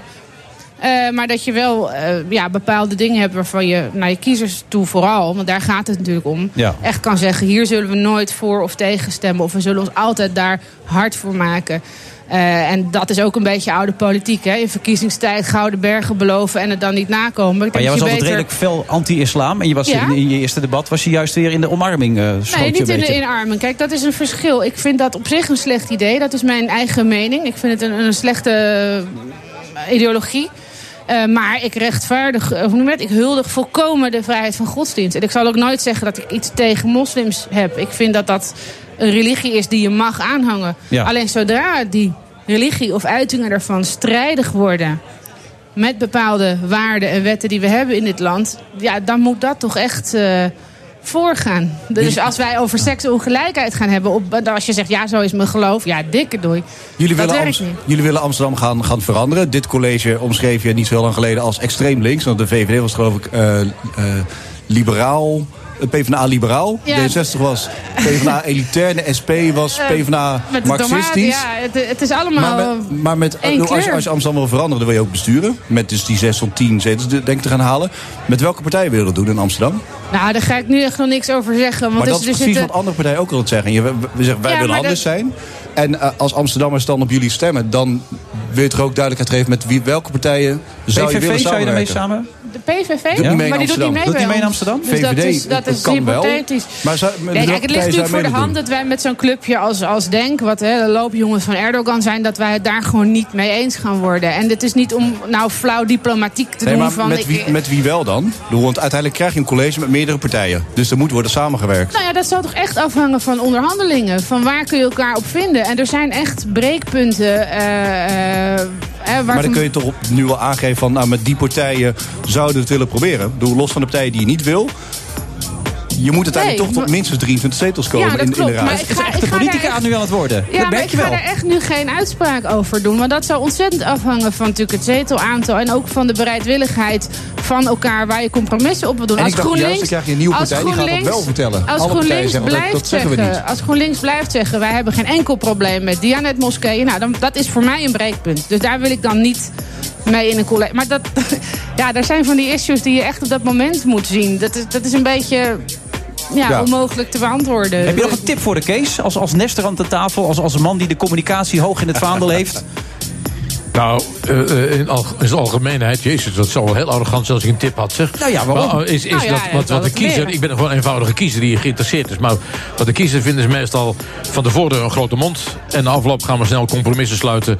En ik heb gestemd op die grote mond. Of ik heb gestemd op die eh, beschaafde eh, eh, mening. En aan de afloop dat blijkt toch dat ze bij elkaar in bed, in bed liggen. En dat vind ik vervelend. Heb je een grote mond bij Annabel vandaag gehoord? Of Nee, viel dat dat dus, zei ik al, dat viel mee. Maar we hoeven niet twee keer te zeggen. Oh. Eén keer is al genoeg. Nou er staat een reclamebreak tussen voor de mensen die later inschakelen... en niet in een file staan. Die denken, zou hij het Nou, al we gezegd gaan niet hebben? zomaar met iedereen in bed liggen. De Nee? kiezer mag echt rekenen op bepaalde principes en kernwaarden... die we echt voor niets of niemand gaan uh, En verkwanselen. minder dan Ook niet voor een wethouderspost en ook niet voor een leuk eh, baantje... of een leuke toezegging of wat En dan is het bij minder dan zes zetels mislukt? Of zeg je nou, zo denk ik niet? Nee. Zo denk ik niet. Nee? Ik, ik wil echt... eh, het is moeilijk nu in te schatten wat ons potentieel is. We kunnen het niet vergelijken met wat we vier jaar geleden hebben gehaald. Eh, ik zou het ontzettend jammer vinden als, als ik vaak hoor... ik heb overwogen voor hem te stemmen, maar het net niet gedaan. Dan vind ik het mislukt. Oké. Dat staat los van een zetelaantal. Nou, succes, Annabel. Dankjewel. We komen Bedankt elkaar voor vast weer tegen, hè? Zeker, dat En hoop ik kom ik. jou ook nog weer tegen volgende week, Ik, eh, niet? ik sluit het niet uit, nee. Ja, nou, dat, dat gevoel had ik al een beetje. Die kom jou nog steeds tegen in deze uitzending, Ja. toch? Ja, zo meteen. On- onvermijdelijk. Na de reclame, tot zo.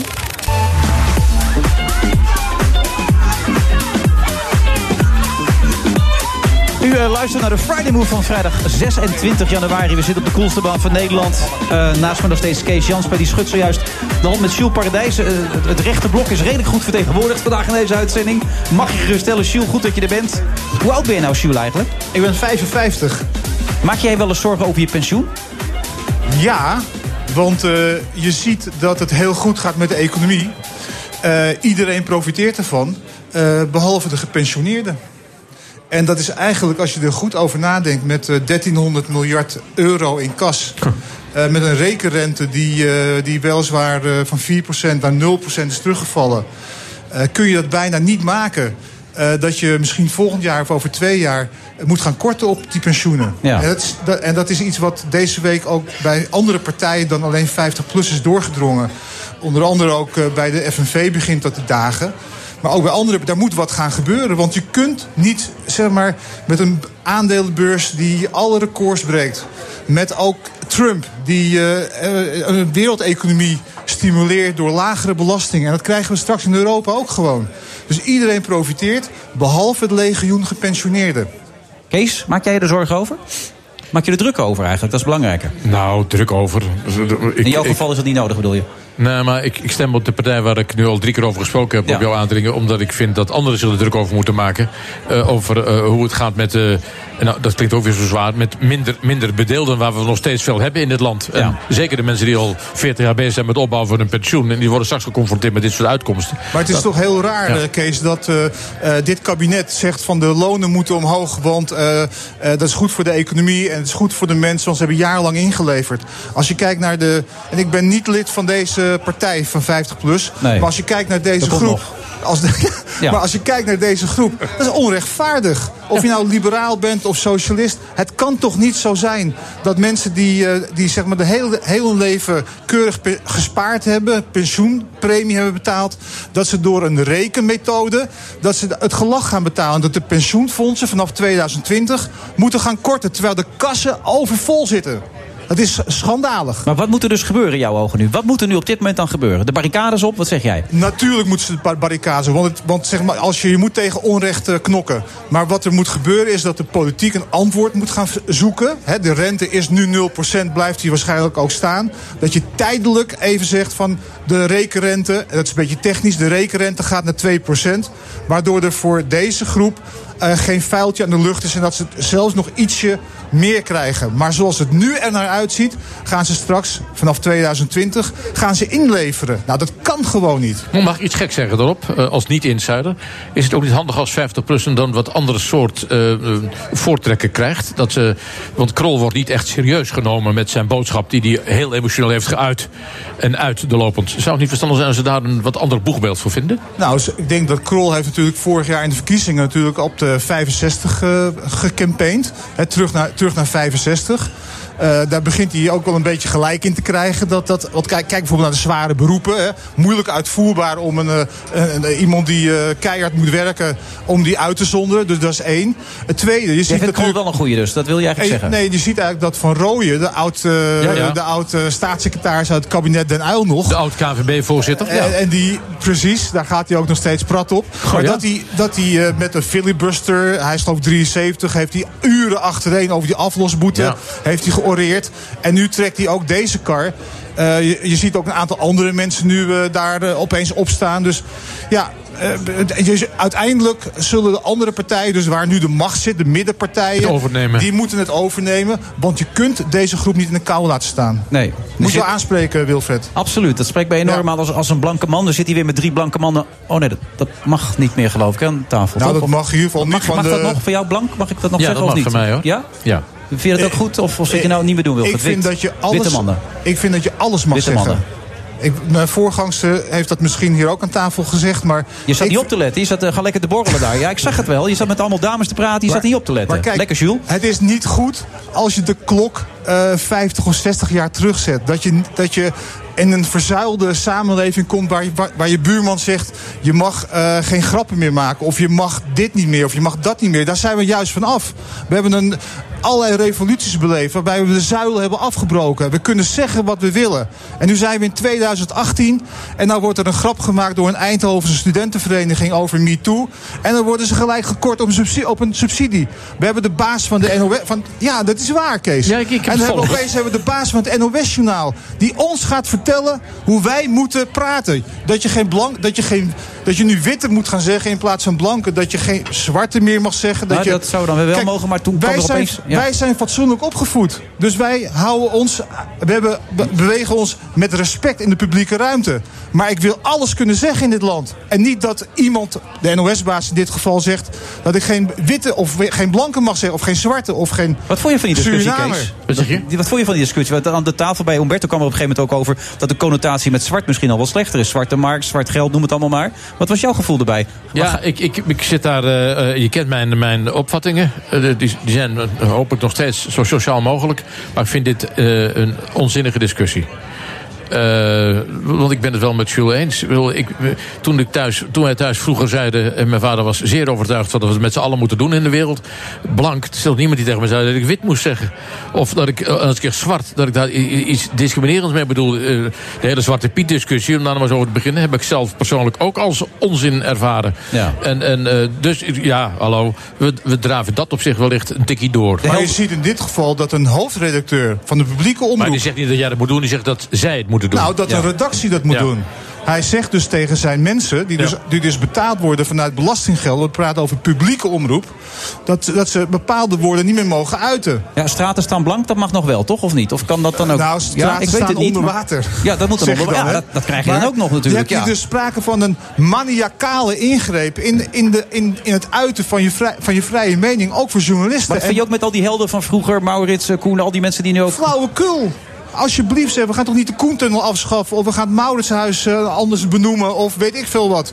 En wat het ergste is, dat je ziet dat de politiek... Kijk naar D66 vandaag, Kees van der Hoeven. Die gaat daarin mee.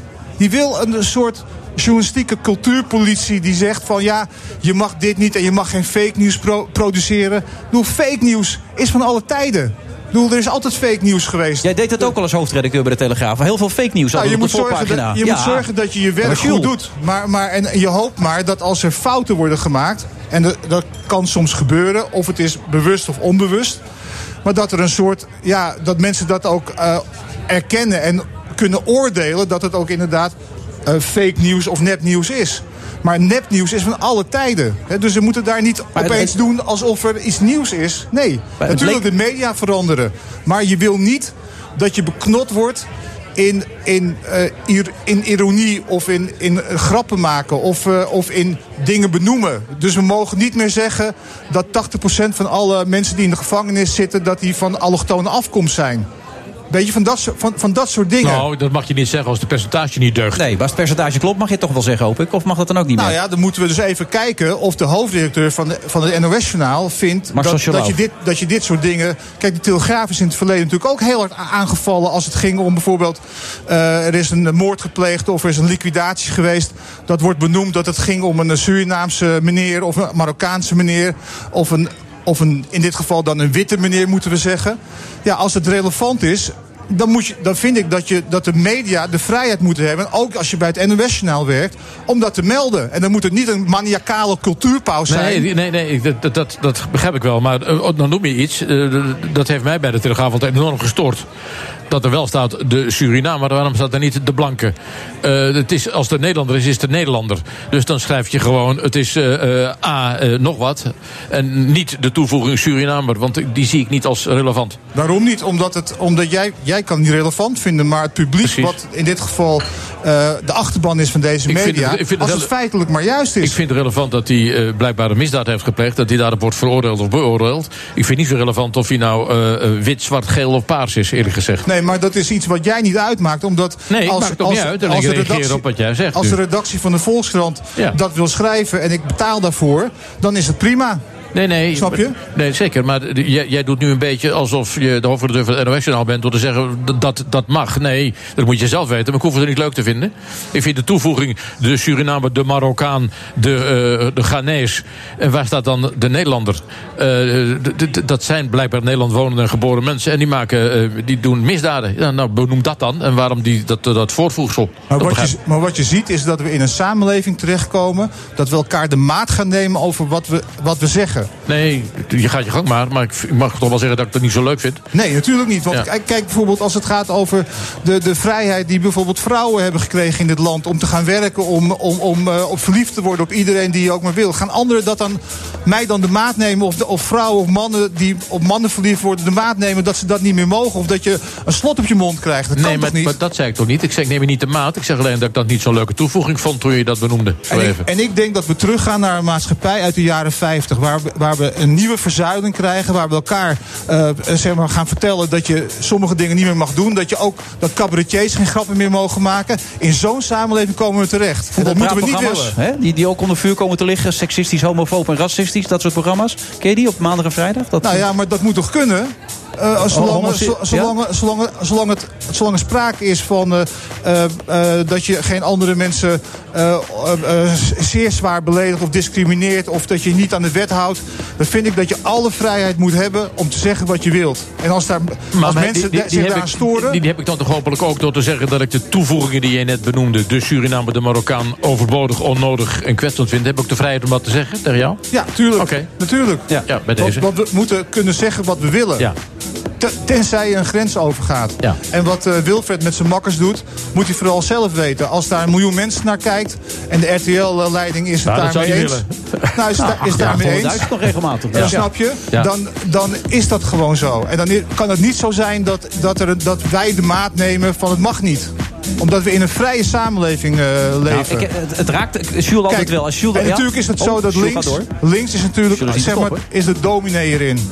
Ja, ik, ik heb iets van een dominee, maar ik vind, overigens, eh, dat geef ik toe, maar ik vind, als ik me even toespits op wat je net zei, heb ik altijd gevonden, los van links of rechts, de to- toevoeging bij een crimineel dat hij uit Suriname of Marokko komt, vind ik in veel gevallen totaal Daar overbodig. zijn Nee, jullie niet over eens. verzwijgen. Dat is duidelijk. Maar belangrijk is, Nee. jij wil dat het vrije woord blijft bestaan... en je bent bang dat we naar een maatschappij teruggaan die dat niet meer zal hebben straks. Dat is wat jij geschetst. Ik Dat beeld. signaleer het, eh, Wilfred. Ja. En, het, en het, het is aan de hand. Ik merk het aan je. Het raakt je. Ja, nee, Ja. tuurlijk. Nu kun je weer met die dames... Oh, ze zijn weg, die dames. Kun je niet meer doorpraten. Nou, dat is wel weer jammer. Jules Paradijs, Hey, bedankt. Goed, hey, tot ziens. Hoi, hoi. BNR Nieuwsradio. The Friday Move. We zijn er klaar voor. Maar ik ga over het eh, geval waar de krant vandaag over schreef verder niks zeggen. I'm looking forward to it, actually. Er zijn eh, vreemde DNA-kenmerken gevonden. Ja, dan, dan gaan we daar eh, lawaai over maken. Wilfred Gené. Wil de echte Stefano Keizers nu opstaan?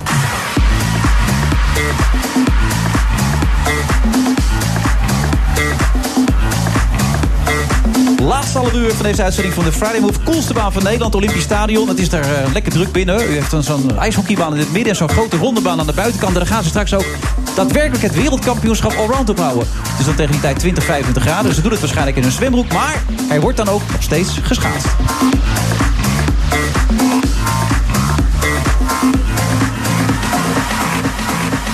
Inmiddels aangeschoven cabaretier Stefano Keizers. Met zijn eh, voorstelling Erg Heel staat hij nu in het theater. Hij was al eerder co-host, toen had hij vier truien aan. Hoe is het nu? Hoeveel trui heb je nu aan, Stefano? Ik heb een t-shirt aan met theater valt best mee. Een eh, thermo, ehm, sweater en een hele dikke trui. Ja, nou, voor jou doen valt dat best mee. Ja, Want toen had je eh, die dikke jas ook nog aan, volgens mij. Klopt. Ja. Je had in het bad geslapen die nacht, dus je was een beetje nog even... Je moest een beetje bijkomen toen. Ah, je hebt me gewoon heel erg gecornerd die dag. En toen heb ik uiteindelijk alles toegegeven wat er maar toe te geven viel. Ja, je baalde ervan dat je op een gegeven moment dat je, dat je zelf had gezegd dat je GroenLinks stemde. Dat had je eigenlijk niet gewild.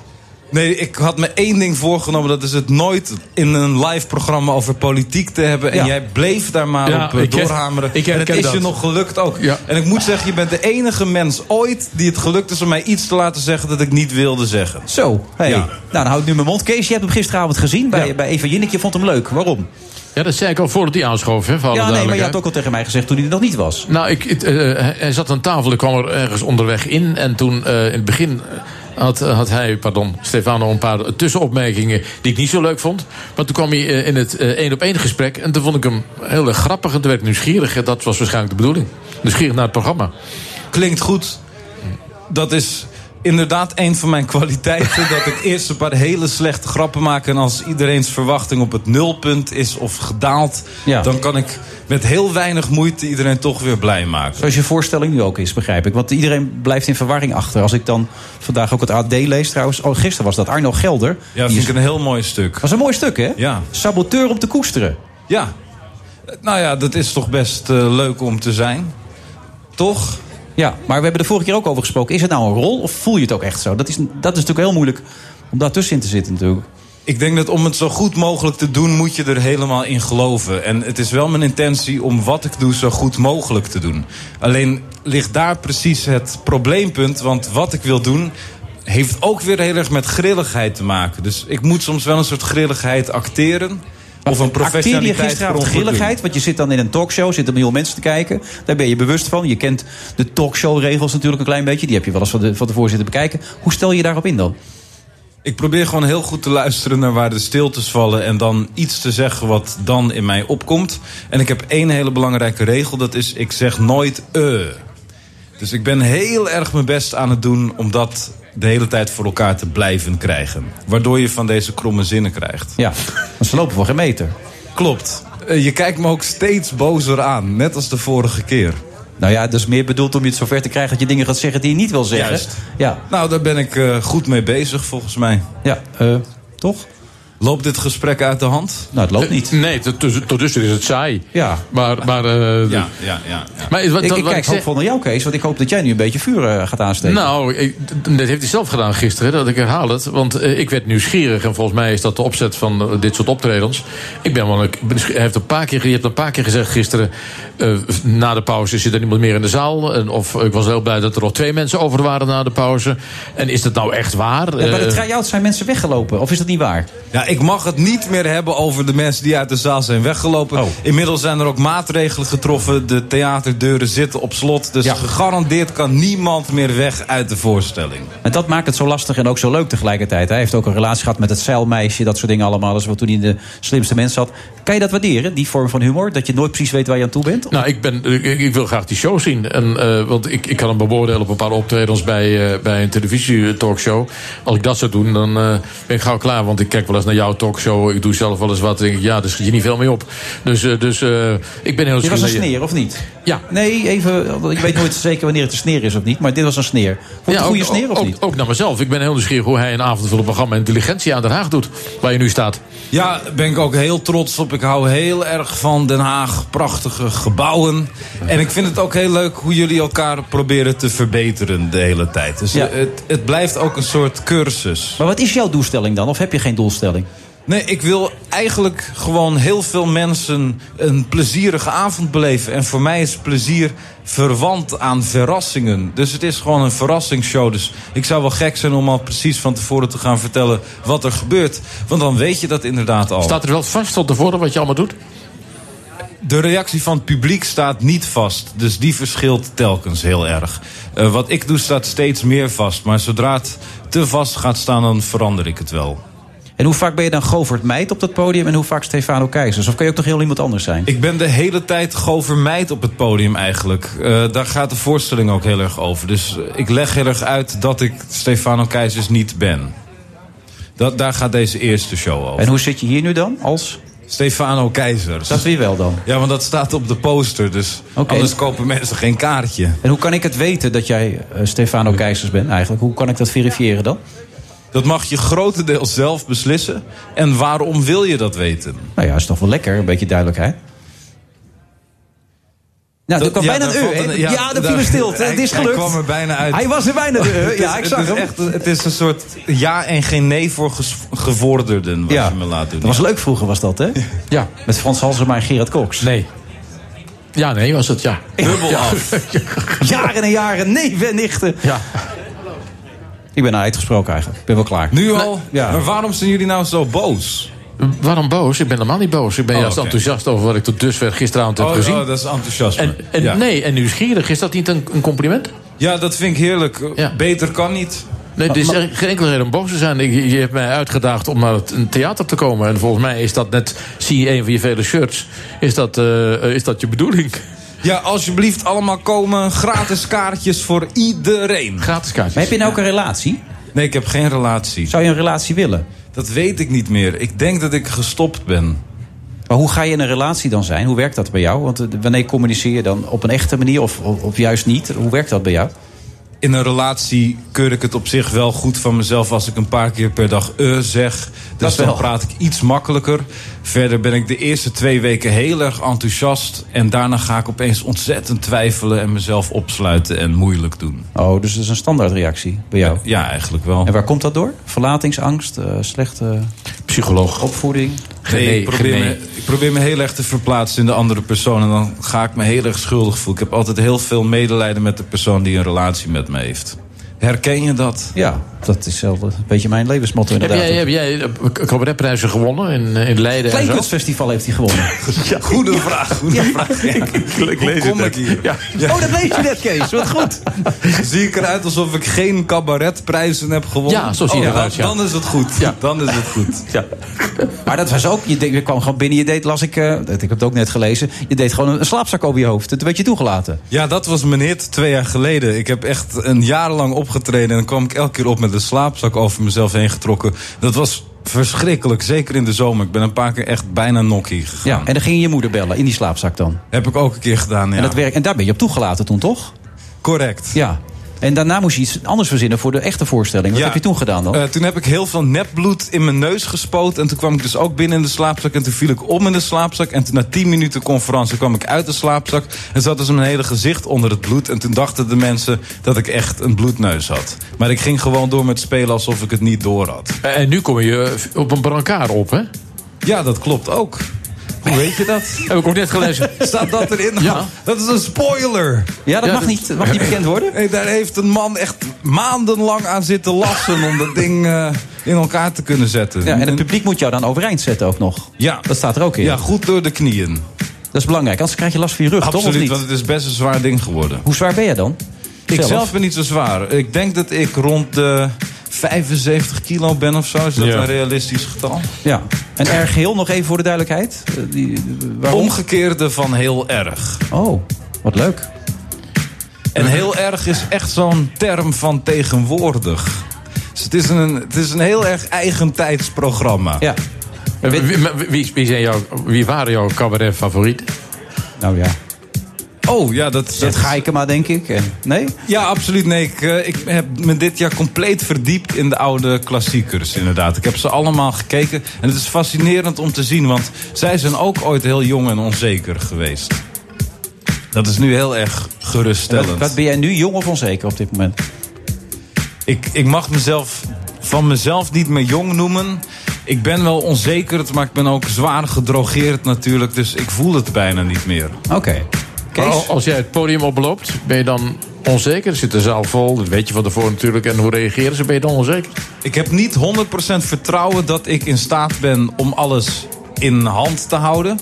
Maar ik weet inmiddels wel dat de eerste 20 minuten makkelijke minuten zijn waarin ik zelf weinig hoef na te denken. Dus alle moeilijke dingen komen daarna pas en dan ben ik meestal wel al los. Dus gaandeweg vergeet ik echt dat ik in een voorstelling zit. Je zegt ook weinig ja-nee. hè? Je gaat net als een politicus gelijk een soort lopend antwoord geven. Dat heb je jezelf ook aangeleerd. En hij is al links ook. Absoluut. Ik, eh, ik heb allemaal dwangneuroses die op dit moment eh, plaatsvinden in mijn hoofd... terwijl ik met jou aan het praten ben. Komt het door het GroenLinks of niet? Of valt dat nu mee? Nee, ik ben gestopt met GroenLinks. Ja? Ehm, speciaal voor jou. Ik heb dat nog nooit eerder gedaan, maar ik ga stemmen om jou te irriteren op bijeen. Uiteen bedoel je? Uit, heet het uiteen? Inmiddels heet het uiteen. Meen je dat echt? Ja, het was bijeen, het is nu uiteen. Dat is, dat is best pijnlijk dat ik dat niet weet. Ja. Eh, gekruiste zwaarden. Ik heb heel veel contact met Stil- eh, Sylvana. Waarover? Ehm, over dat ze heel moe is en veel wil uitrusten. Maar ze moet aan de bak. Echt waar? Ja, nee, eh, ze heeft het druk. Partij uiteen. En dan moet je ook nog die verkiezingen in. Dus je wil er wel nog wat tips geven om het beter Dat te doen wij vanavond om half negen op RTL 7. Oh. Ja. Oh, wat leuk. Dat wist ik niet. Moeten we, moeten we afronden? Waarom? Het loopt zo lekker dit gesprek. Oh. Ik denk niet dat ik ooit nog terugkom. Nee. Stefano Keijs. Bedankt.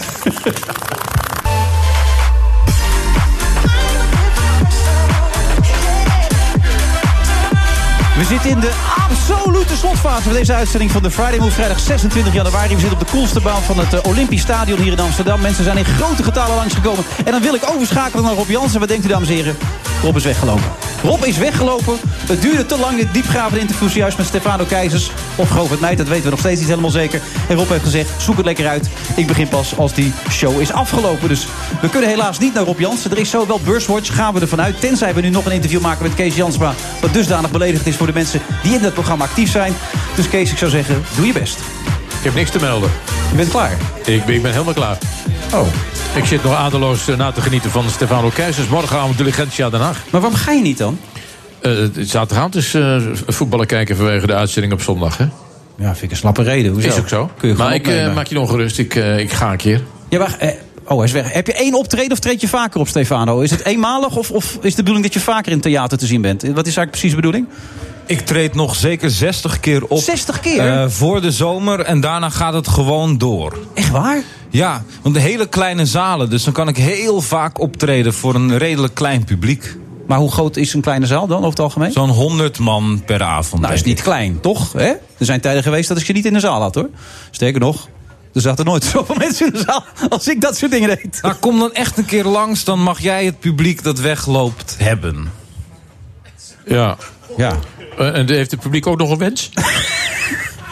Nee, die, die zijn eh, volledig overgeleverd aan ons, want daar hebben ze voor betaald. Jij noemde gisteren met enige nadruk telkens je regisseur, hè? Klopt, Ja, ja. eh, dat wilde hij heel graag. Oké, dan is dat duidelijk. Ja. Maar die heeft me ook echt heel veel geholpen. Die heeft sowieso alle grappen in de voorstelling geschreven. Het zijn er een stuk of zes. Zoveel? Ja. In een cabaretvoorstelling? Ja, absoluut. Oei, oei, oei, dat houdt niet over, zeg. Ja. En, ehm, en hij is ook eigenlijk... Ik weet niet precies wat hij met me doet, maar sinds ik hem ken... Hoe heet hij dan? Want ik kan die nergens Jelle vinden. Kuiper. Nee, hij wordt meestal weggelaten uit de interviews. Ik Ja. weet niet waarom. Omdat jij hem niet noemt. Dat zou ermee te maken kunnen hebben. Ja, maar hij heeft jou zes grappen opgeleverd en heeft je een ander mens gemaakt. Absoluut. Ja, sinds ik hem ken, heeft wat ik doe heel veel succes. Ik hoor dat Rob Jansen er nu nog in wil komen, gaat niet meer lukken. Nee, sorry Rob, nee, we kunnen we echt niet aan beginnen natuurlijk. Rob Jansen. Sfeer is goed in de uitzending, hè? Zo meteen. Rob Jansen met Beurswatch. Wie zou die hebben? Daar ben ik toch wel benieuwd naar wie Rob nou zo meteen heeft. Kijk jij Rob Jansen of niet? Nog nooit van gehoord. Is hij aardig? Ja, een enorme leuke gozer. Rob. Moet ik mijn excuses aanbieden? Als dat zou kunnen, heel graag. Sorry. Rob. Rob. Ja, nee, Rob is een wereldgozer. Geen familie van Rob Jansen, de, de voetbalmakelaar. Die trouwens eh, Danny Blind kwijtgeraakt is. Een Daily Blind hè, door dat boek. Wat vind je daarvan? D- Dat wist ik niet. Ja. Jij vertelt mij nu eh, een, eh, een nieuwtje. Ja, nee, die waren dusdanig ontstemd over het boek dat, eh, dat Rob heeft uitgebracht. Dat ze hebben gezegd, we hoeven niet langer bij hem in de stal te zitten. Kun je er iets voor voorstellen? Eh, nee. Nee? Nee. Nee, ik kan me niks meer voorstellen. Want ik, dat- boek moet natuurlijk gemaakt worden om verkocht te worden. Want Ja. het ligt ook regelmatig bij jullie op de toonbank in de uitzending op, eh, op, eh, op eh, maandag Ja, of vrijdag. het doen, hè? Ja. Zeker. Ja. Eh, dus het is een commercieel boek. En eh, zeer. En eh, nou, dan weet je, nou ja.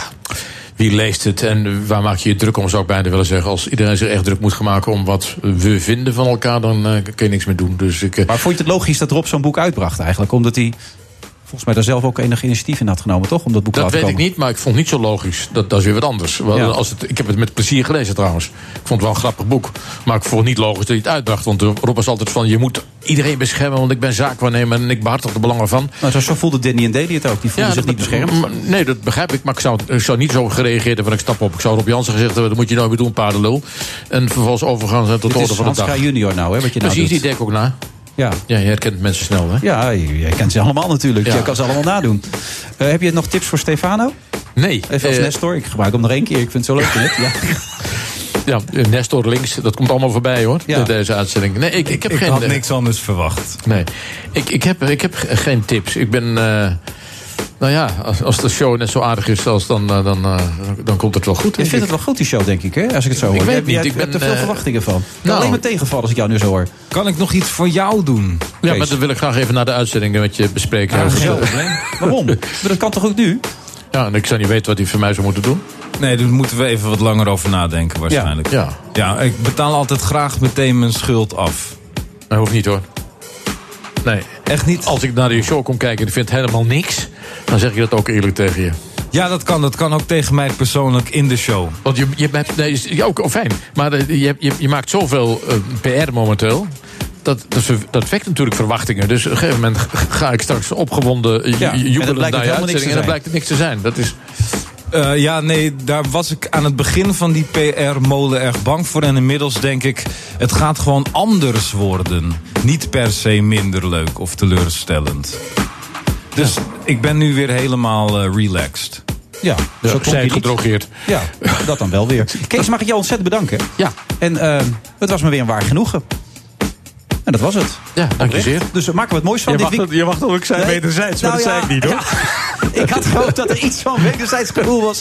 Maar helaas, dat zit er nog steeds niet in. Nou, hoeveel jaar? 20 jaar inmiddels alweer? Ja, dat we elkaar kennen. Ja, 20 jaar alweer. Ja. Blijft de Ja. tijd. Ja. En die eerste ontmoeting, ja, dat blijft nog steeds de mooiste. Ja. Die zal je nooit meer vergeten. Ja, jij bent hem vergeten, maar ik niet. Ik heb hem verdrongen.